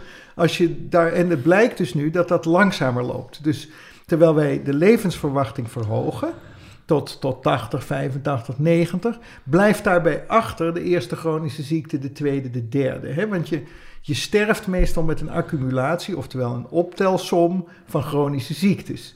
Nou, en die duren ook steeds langer en bij vrouwen het allerlangst vergeleken met mannen. Mannen zijn meer eiken, die vallen gewoon om. En vrouwen buigen als riet, hè? dat is de Franse gedachte daarover. En ik vind wel dat je deze discussie over wat is nou, wat een jongere die, die 150 kilo weegt, en die, snap je, wat voor leven heeft hij precies? En is dat vergelijkbaar met eh Suzanne Schulting, zal ik maar zeggen. Nou, dat, dat zijn helemaal discussies die uit die zoek zijn geraakt. Hè? Dat is wat je eigenlijk zegt. De hele discussie over is een, is een feestleven. Ja, waar- het leek eigenlijk niet erg ter discussie te staan. Nee, je hebt toen heel kort dat moment gehad eh, dat, het, dat het kabinet nog zei van nee, we gaan loten. Natuurlijk gaan we niet zomaar ouderen weigeren, we gaan Ja. loten. En die zijn toen teruggefloten door de hele Kamer van zijn jullie gek geworden? Dat is een krankzinnig systeem. Laat nou, hè, nou, ik snap nog het deel van laat het aan de arts over, want die maakt een goede inschatting in en veel er is al triage, komt het- zolang Er is als al- ik uit de Precies, en die eh, triage kom. is er al. Maar er lag ook toch wel erg aan ten grondslag. We gaan gewoon van boven naar beneden. Eigenlijk is de, de leidende gedachte... elk jaar dat je leeft, is je leven minder waardevol. Ja, En als je eenmaal boven de 70 bent, dan, ja, dan doet Nou het er niet zo heel veel meer toe... of je blijft Er is- leven of dat er je is natuurlijk doodgaat. een heel goed debat te voeren over eh, hè, de, de, eh, de, de levensjaren die je verliest eh, als door zo'n pandemie. Hè? Dus dan kan je Ja. zeggen, dat is de, daar zijn hele, heel veel onderzoek wordt er gedaan naar per, de, elke keer dat je dichter bij de dood komt, is de kans daarop steeds groter. Dus de kans dat je sterft in het jaar daarop, als je 90 bent, is gigantisch. Ja. En die groep is ook nog klein. Dat was trouwens ook interessant met die voorrang voor die vaccinatie. Dat mensen maakten daar een enorm thema van. Van moesten je nou bij de 90-jarigen beginnen en kon je niet beter ergens anders Ja. beginnen.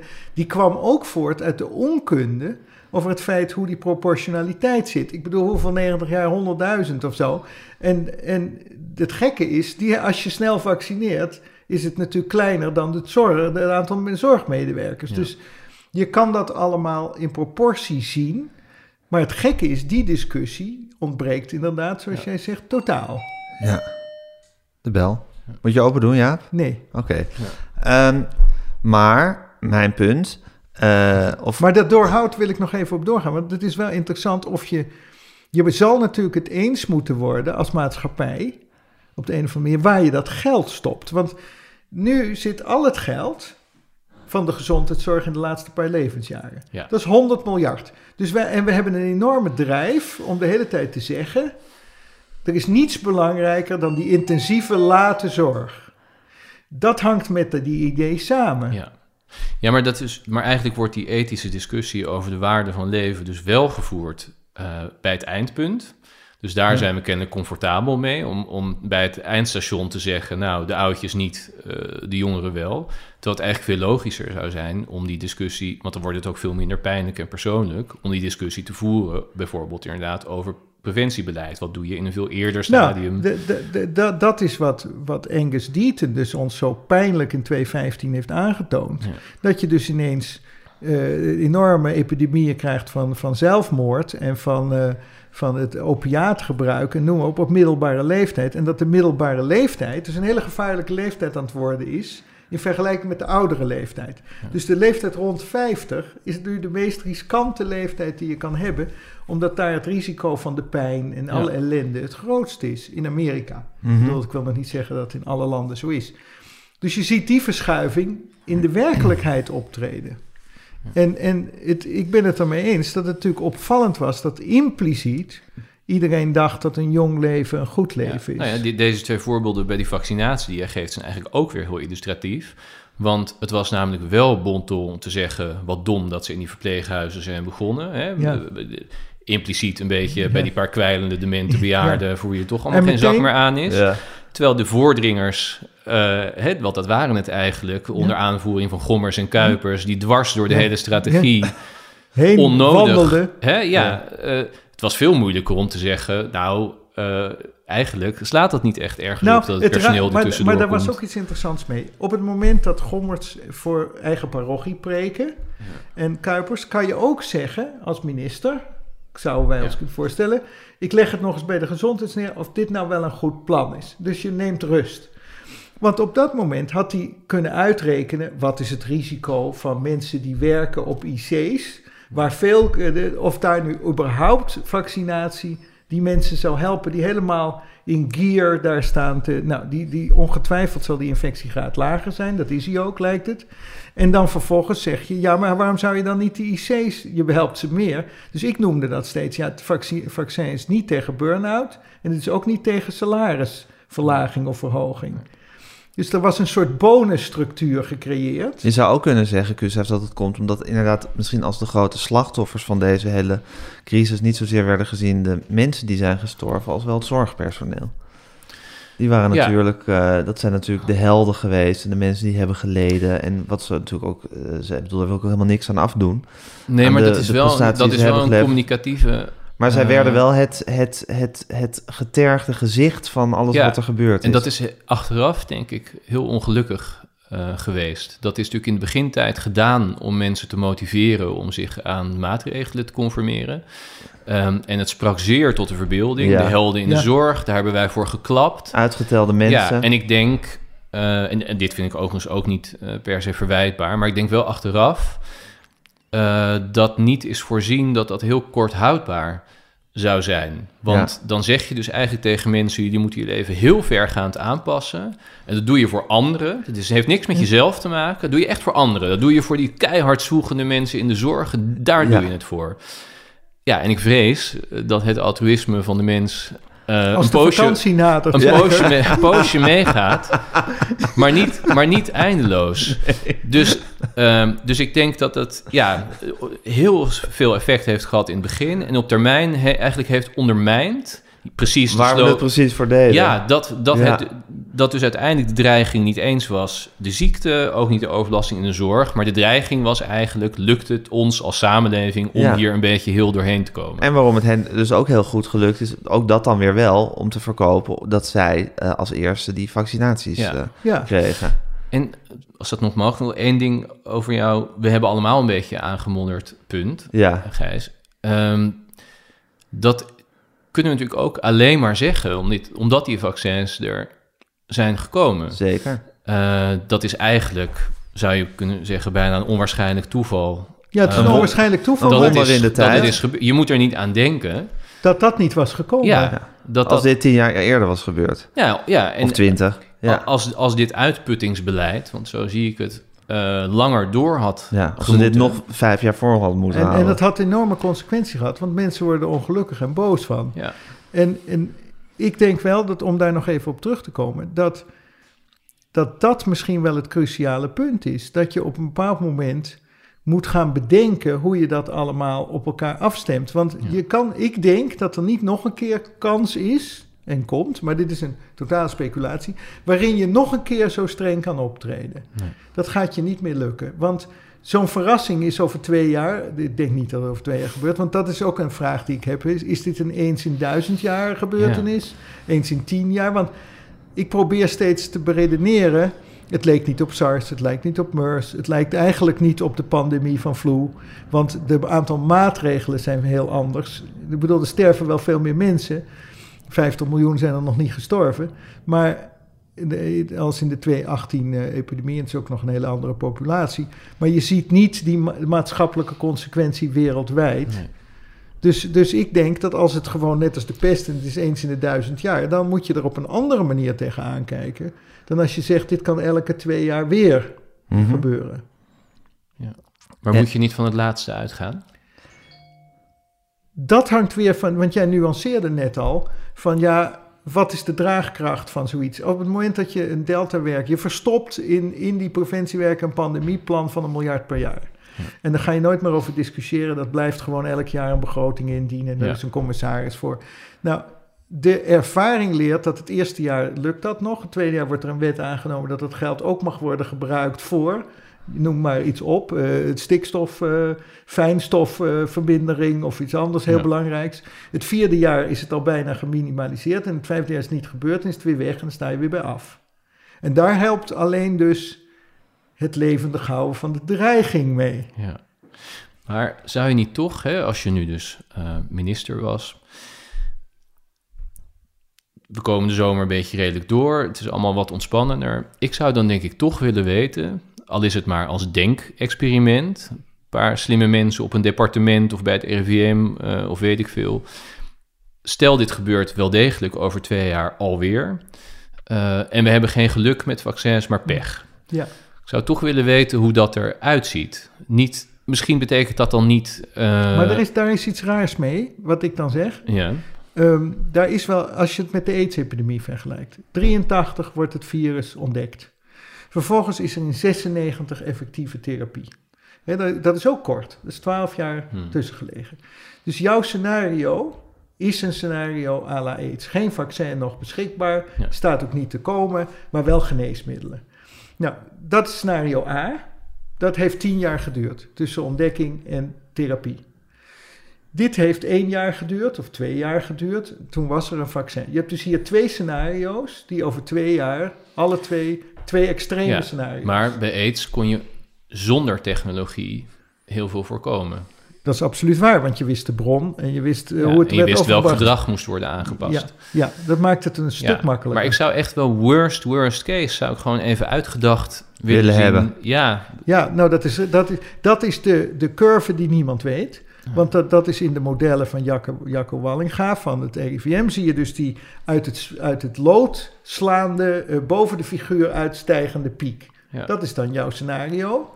En die piek kan je nog hoger maken of korter. En, die heeft, en de- je kan een beetje schuiven aan de, aan de sterftekans. En dan krijg je dus een scenario waarin de pest op de hoek komt kijken. Waarbij dus eh, 20, 30 procent van een stad wordt uitgeroeid. Wat Peter Ekamper van het, eh, van het eh, Demografisch Instituut allemaal heeft uitgerekend. Dat, dat zijn veel ergere epidemieën. Delft werd gehalveerd in de pesttijd. Ja, en niks, geen vaccin of geneesmiddel voorhanden. Nou, dus je hebt die scenario's. En de cholera van de 19e eeuw was ook al erger dan dit. Ik bedoel, het is toch, we zijn in een ander tijdperk beland, hè? Waarin we er ook veel geld verdienen en wat we eraan kunnen besteden. Het immunoceen, Het heb jij het, heb Ja, jij het ik denk- genoemd? Ja, dat kan je dus eh, aantrekkelijk vinden of onaantrekkelijk. Maar ik denk dat het unieke, ik zie een unieke toekomst. Dat je net zoals de kindervaccinatie ook een ouderdomsbeschermingsprogramma runt. Waarbij je zegt dat bestaat uit een deel preventie voor je vijftigste.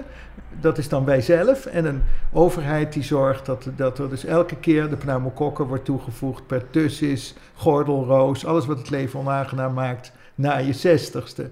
Hey, en we hebben, net, we hebben net geconstateerd dat de landen die gewoon feitelijk aan oorlogsdreiging onderhevig zijn geweest in hun bestaan, gewoon beter geprepareerd zijn op iets als dit. Ehm, zou het niet kunnen dat nu de wereld eh, dit over zich heen heeft gehad, of Nederland bijvoorbeeld dit over zich heen, heeft, dat dit ook voor een mentaliteitsverandering gaat Nou zorgen? ja, o- Nederland is daar niet, eh, heeft die ervaring natuurlijk niet. Hè? Dus we hebben ook niet een leger. Kijk, dat Ja, zijn maar of ook- dit hem is, bedoel je? Ja, of dit, of dit ervaring is. is. Nee, Of dit de nee, ervaring nee, is. Nee, Nee. Dat zijn wij het eens, denk ik. Ja.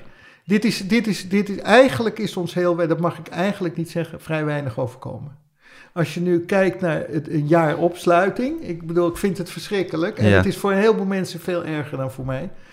Eh, plus je telt erbij op dat het tweede jaar kom je er al uit en na zes weken kan je op vakantie. Dat wil Ja. alleen maar zeggen dat je terug bent in de late 19e eeuw, misschien nog zelfs later.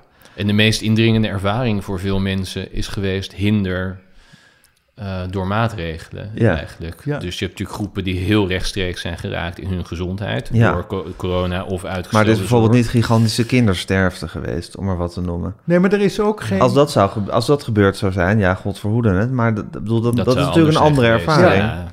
Ja, maar dat is, er is al een veel striktere reactie op polio geweest in de vijftiger jaren. En dus ik denk niet, en daar ben ik met Gustav eens, dat, dat dit is niet zo groot dat het niet tot iets anders leidt in mijn ogen, tot een betere een beter kunnen managen van dit soort events. Mhm. Maar het leidt niet tot een, een cruciale wijziging, want het heeft ook te maken met, met het, de visie die je dan moet hebben, die Anglo-Saxisch is, die wij gewoon niet echt hebben. Maar de Fransen hebben het eigenlijk ook wel een beetje. Dat is die volksgezondheid veel centraler staat dan de gezondheidszorg. Kijk, dat is het, de verschuiving. Dat moet je even uitleggen, ja. Nou. dat de volksgezondheid je staat dan de gezondheidszorg. Nederland is evident. 100 miljard aan, aan late zorg en 100 miljoen, paar honderd miljoen, wat is het aan voorzorg? Ja, ja. Als je die verschuiving maakt, kom je in Frankrijk terecht, Engeland terecht, Amerika terecht. Met alle nadelen van dien, want het heeft weer de consequentie dat die zorg slecht is. Snap je? ja. Dus je betaalt altijd wel een prijs. Maar dat moet je dan een keer uitdiscussiëren. Zijn wij bereid om... Maar dit- is de preventie zo goed in die landen? Daar zijn ze toch ook allemaal moddervet en nee, nee, ongezond? nee. Ja, maar dat, dat, zeg ik dat Ja. niet alle onderdelen ervan werken, maar het volksgezondheidsbeleid, als je nu naar Amerika kijkt, dan is het een zuiver. Ik bedoel, de logistiek van Amerika is dus goed genoeg omdat het commercieel is. Dus waar stel niet toe in staat? Er wordt nu geprikt bij Walmart en bij al die eh, dingen kan je gewoon je prik halen tegen geld. Nou, dat is al een volstrekt andere methode. Dan heb je nog de, de- het leger inschakelen, dat zijn weer andere landen. Maar Nederland doet geen van beide graag. Nee, wij hebben gewoon de GGD. We hebben de GGD en als de GGD aan zijn grens komt, dan is de crisis tot daar. Dat daar mag de crisis komen. Ja. Meer water willen we niet zien. Ja, heb je ook nog helemaal aan het begin, zei je, hè, want de oplossing komt dus van de technologie nu, dat zijn die vaccins. Je zei, men heeft er moeite mee dat de oplossing technologisch Ja, is. Ja. Wat bedoel je daar eigenlijk Da- mee? daar bedoel ik mee dat... Want ik ben heel dolblij met deze technologische ja, oplossing. Nee, maar ik ben er ook door blij mee. Maar je hebt de indruk dat er ontstaan meteen twee bewegingen. Er ontstaat meteen de beweging van er mag niet aan verdiend worden. Nou, ik heb natuurlijk te lang in de industrie gezeten om te weten wat het... Het is niet alleen maar geld, het is een managementstructuur. Ja, dat die iets je. op de markt zet. Ja. En dat vinden we in het ene sector. We hebben geen problemen met de Jumbo die ons dagelijks eten brengt en onze drank. Maar, de hebben- farmaceutische industrie, dat zijn de duiven. Die zijn de, duivel. duivels. Want dat je geld verdient aan mensen gezond Want er maken, wordt aan dat deze vaccins natuurlijk heel veel verdiend. Ja. Daar is geen enkele twijfel aan. Dan moet je gaan zeggen, en dan komt er een beweging op gang. En die zegt, dan gaan we daar terug naar de jaren 50 en 60. En dan gaan we het zelf maken. En daarvan weten we dat het meestal fout loopt. Want waar loopt dat fout? Het loopt meestal verkeerd. En dan, wie draait daarvoor op? Dan moet dus de overheid gaan betalen, of een universiteit, of weet ik veel. En die heeft dat geld er echt niet voor over. Dus op het moment dat een vaccin van een miljard of twee miljard mislukt, dan gaat niet ineens Den Haag zeggen, nou dat factoren we even weg en hier betalen we het. Dus dat houdt gewoon na een paar jaar weer op. Dat moet dan de industrie zelf gaan betalen en dan krijg je zo'n systeem. Dus ik vind wel dat die technologieoplossing niet per definitie is, is, is denk ik de enige oplossing voor dit soort problemen. Die kan je ook klaarleggen en je kan erin investeren. Maar het, ik denk nog dat Nederland niet eraan toe is om die investering te doen. En te zeggen van, nou, want dat zag je, want dan hadden ze wel vroeg geïnvesteerd. Als het dat een logische reactie was geweest, dan hadden ze gezegd, nou, als we de KLM doen, doen we ook even vijf eh, industrieën, wat net zoveel zal kosten. En dan eh, lossen we de boel tenminste dan, mee op. we, dan weten we tenminste, Maar dus het is niet zozeer moeite met technologie, het is moeite met de farmaceutische industrie. Ja. ja, We hebben geen Ja. zin om geld te scheppen naar een industrie die Waar we- voor, ons, voor ons gevoel een beetje afperst met onze Ja. zwakke gezondheid. Ja, Eh, ja. En die ook soms wel, nee, maar de, daar zijn ook wel uitwassen. toch? Nee, er gebeuren ook hele erge dingen. ja. Dus de, en de opioid crisis is daar wel het afgrijzelijkste voorbeeld van. Ja. Dus er is geen twijfel aan, maar die kan je weer reguleren, zeg ik dan. Dan kan je Ja. weer zeggen, oké, dat lossen we dan op. Want je wil nooit dat die machine die dit nu kan afleveren, want het is echt wel uniek.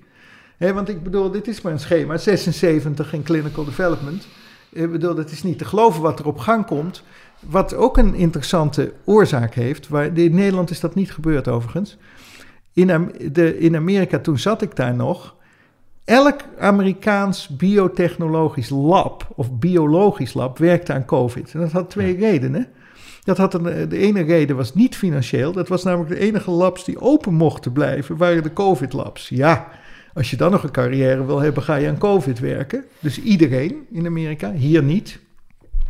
En het tweede wat ik interessant vond, was onmiddellijk verschenen de vertegenwoordigers van de Gates Foundation en NIH en iedereen bij je op de stoep. En zij schrijft maar in één pagina hoe jij COVID zou gaan benaderen. En dan krijg je meteen op dat vel geld. Dus, dus er, er was een systeem. In Nederland kleden ze dan voor te weinig geld enorm veel commissies. Die dus over twee, drie jaar een subsidie uitdelen. Dan zeg ik, nou ja, dat is dus moeilijk om allemaal te wijzigen. Dat je zo'n eenheid creëert. En dat, dat vind, vind ik dan weer leuk aan Amerika. Dat, Ja. dat, dat dat lukt. Ja, feit is dat over een paar maanden alles weer open zal gaan, dan waarschijnlijk. Al dan niet met anderhalve Iedereen meter. gaat sowieso op vakantie met zijn vaccinatiebewijs. Ja. Denk ik. Je weet het Ja. nooit. Ik, ik, hoor, ik hoor die jongen ook nog steeds wel zinnen zeggen als, als dat allemaal mee Eh, ja, maar nu- hij krijgt meer vaccins. Hè? Dat is gewoon Ja. feitelijk. als dat mee zit. Als dat mee zit, krijgt hij meer vaccins. Ja. Jij gelooft daarin, ja. Ik geloof dat, Ja. dat het nu wel... Kijk, ze kregen al in het bodemscenario... waren er al iets van 3, 4 miljoen eh, deze, dit Ja, kwartaal. ik vergelijk het steeds met de mondkapjes. Dat was in het begin ook zoiets waar je de hele van... hoe kom je in godsnaam aan een mondkapje? En ineens, En, en op een gegeven moment in- ineens is er, zijn er overal mondkapjes. Dus zo stel ik me dat vaccin ook voor. Nou, maar dat gaat gebeuren. Dus ik ben er optimistisch over. Daarbij vind ik ook dat je het niet mag laten modderen. Dit is niet nodig, dus moet je het niet doen. En het is politiek natuurlijk niet het Ja. beste idee om het te laten. Mensen moeten op 1 juli op, op vakantie kunnen. Ja, maar dan breekt het feest los natuurlijk. Ja. Als het weer ja. open kan. Ja, maar dan heb je een beschermde dan zijn we het allemaal populatie. vergeten. Ja, maar dat, dat, dat vind ik iets heel anders. Want dan moet je zeggen, dan ga je in een structureel beleid over. Dan moet je dan wel voorbereid zijn om in september gewoon weer die oudjes allemaal weer een, een andere Ja. prik te geven. Oh ja, dat was ook nog eens. En jij zei echt alles los van de zomer. Want Nou- het kabinet zegt misschien nog anderhalve Nou, meter, handen nou, wassen, ik vind- za- papieren Ik, zakdoekjes. ik begrijp dat niet. Want dan zeg ik ja, je weet niet welke maatregelen er precies dan moeten worden afgeschaald. Ja. Dan ga je dat doen op grond van de last, maar niet op een virologisch principe. Nee. En op dat moment moet je dus zeggen: is er dan nooit een moment, zo zou ik het benaderen, waarop alles losgaat? En wat is daar dan het criterium van? Ja. Want je hebt nu alles gebruikt wat je had. In je, als je de testen eh, bij de DA kan halen, en die kunnen bij elke ingang van overal gebruikt, die sneltesten, en ook bij de grens, en je hebt een vaccinatiepaspoort. Dan blijven er alleen maar over of die vaccins lang genoeg werken. En, Ja. Maar dat is alweer routine. Ja. Dus En waarom vind je het belangrijk dat zo'n moment er duidelijk is? Nou, ik denk dat dat een bevrijdingsmoment is. Ik denk Ja. dat je dat mensen moet gunnen, maar dat is totaal persoonlijk. En dat je niet moet gaan ze- de macht houden. Dus wat je dan gaat doen, is dat de noodstructuur Ja. Permanent wordt. permanent wordt. Ja. Ja. Dat is mijn angst. Het is misschien totaal eh, eh, idioot, maar ik heb het idee dat je een bevrijdingsmoment moet creëren en dan zeggen: gaat u nu maar gewoon. En de- want, want je weet één ding zeker: je, je zou dan moeten zien dat het sterfte- en ziekteaantal in de leeftijdscategorie die gevaccineerd is, tot het minimum is beperkt geraakt. Wat je in Israël ziet, wat je in Engeland en Schotland ziet. En dan moet je zeggen: nou, daar vertrouw ik niet meer op. Vind je ook dat de overheid dan officieel afstand moet doen van al die extra bevoegdheden Ja. die er zijn Ja, gekomen? ik denk dat de wet moet worden, op dat moment moet worden, eh, laat ik zeggen, op afroep eh, weer regelbaar. Ja. En ik denk dat je het OMT naar huis moet sturen. Ja. Dat zijn de twee belangrijkste handelingen die je meteen moet verrichten. En daarmee zeggen, Om ook jongens, symbolisch te maken op de van... een of andere manier, wij, wij laten nu onze dwingende greep op nu jullie mag u los. weer zelf beslissen of u wel met de trein gaat of niet, of nog vliegt of niet, of eh, iets eng vindt of niet, of bang bent of niet. Ja. Ik denk dat dat heel belangrijk is. Op het moment dat je die greep, dus bijvoorbeeld we gaan wel mondkapjes, maar we gaan voor de rest mag doen, dan gaan mensen dat ten eerste niet doen en ten tweede heel vervelend vinden. ja. Als je daar ook nog maatregelen voor Precies, neemt. mensen hebben natuurlijk nog steeds de mogelijkheid om zelf wat voorzichtiger. Tuurlijk. Ik denk zijn. dat je Dat het geven is voorbij natuurlijk. Maar dat is, dat is denk ik wat er gebeurt. Je gaat waarschijnlijk, eh, zal je wel terechtkomen in een iets Japanser, Aziatischer model Ja. van Precies. omgang. Maar dat doen mensen dan zelf. ja, Ja. Ja, of bijvoorbeeld met dat long covid, zoals Ja. het wordt genoemd. Je kan als jongere zelf denken, ja, zit mij toch niet lekker. Ik pas een beetje extra op met... eh, Ja. Of je hoe- kan besluiten om je toch met regelmaat te vaccineren als Ja. je het zelf betaalt. Ja, dus dat zijn allemaal dus opties. betaald voor de kwetsbare groepen Ja. en Ja. zelf betalen Ja. als je Ja. jong Ja, bent. en d- dan heb je het weer teruggelegd bij autonomie. En ik denk dat het centrale thema van de gezondheid van de toekomst is autonomie. Dus dat je niet, dat je dus steeds meer zelf de diagnostiek in de hand hebt. Dat je steeds meer je interventies zelf kan plannen. Ja, maar centraal punt is eh 1 juli, pakweg 1 juli, moet haalbaar zijn als het moment dat het eigenlijk weer vrij is. En jij zegt ja, maar dat is eigenlijk meer een soort psychologisch, historische, politieke overtuiging. Eh, dan moet je ook gewoon daar een symbolisch moment van maken en dat gewoon totaal doen. Nou, ik vind dat de hoeveelheid stickers, dat je ook de stickers Ja, van die wil ik anderhalve ook meter, weg. allemaal uit Ja. alle winkels, kantoren, de, de overal hangende spatschermen, Ja, het moet allemaal is weg. een, is een, toch een soort van, eh, jongens, pas op. Ja, allemaal repressieve symbolen zijn dat. Ik, ik vind, dat was mijn argument om te zeggen, je hebt nu beschermd tot de absolute grens waarin je beschermen kan. Ja, maar dat is belangrijk. Daar heb ik met Gustav over gehad in het interview wat ik met hem had. Dat hij zei van het is toch altijd de neiging van een overheid om macht die ze hebben niet eh, met liefde uit handen te geven. Dus daarom zou je hier ook een groot moment van moeten maken. Waarin ze zeggen we geven het nu wel uit handen. Ja, en dat zichtbaar te doen. En dat zichtbaar te doen. En dan weer op een model. En dan wel na te denken over als er nou weer een komt, wat zou ik dan aan structuren Ja, maar dat is dan natuurlijk Ja. interessant, dit hele gesprek wat we gehad hebben. En dat soort urgente gevoel van crisis. Wat er nu natuurlijk nog wel eh, heerst. En er zal nu ongetwijfeld een bereidheid zijn bij veel mensen om hierover na te denken. Maar ik vermoed dat zodra dit feest losbarst, dat dat ook weer eh maar maar dat zou de to- overheid kunnen overnemen. Ja. Dan, want dat is typisch. ja, maar of wat- dat dan nog bij de overheid er ook zo is. Ja, maar bij- Nee, dat Nee, gaat niet zo Net zijn. zoals dat ze in Nee. de afgelopen zomervakantie vonden dat ze op vakantie konden. Ja, nee, dit, ik bedoel, Zelf. dit zou ik heel erg hopen. Ja. Eh, maar dit vergt een discipline. Eh, hè, er gaat een jaar aankomen met allemaal parlementaire enquêtes over andere onderwerpen. Eh, Ja. Dus ja, je zou hopen dat er een soort groep aan het werk wordt gezet die stoïcijns door blijft ploegen Nou, maar hieraan. die en zou ook nog in staat is om die urgentie over te brengen. Maar, maar ik weet zo de mensen te noemen hè, die, die, die daar gedachten over hebben. Of je nou rechtsgeleerden neemt, of je neemt Cenk Willink daarbij. En je neemt de mensen die daarover hebben nagedacht in een heleboel opzichten. En je neemt nog een aantal eh, mensen uit de wetenschap daarover. Die zeggen van, Mhm. nou ja, wat, wat, hoe zou dat er dan uit moeten zien? En mensen als Roel Coutinho, die het al een keer hebben meegemaakt... En die zet je dan er eens, en ook misschien een paar mensen uit het OMT. En die zeggen, jullie denken eh, onafhankelijk van iedereen, dat moet over twee jaar klaar. Oké mannen, dank jullie wel. Met plezier. Dank je wel. Ja, 1 juli. Ik ga ervoor. Goed zo. De bevrijding. Voor de Om- bevrijding. leuk om een keer zelf nog eens een bevrijding mee te maken. Ja, toch? Toch voor ons Ja, allemaal. Ook wel daar weer eens een ja, ook wel weer eens een momentje voor ons om mee te maken. Dank jullie wel. Niet de oorlog, maar wel de bevrijding. Maar wel de Ja, bevrijding. alleen, de, alleen de lust en niet de lasten. Nederlands op de, de, de voeten uit.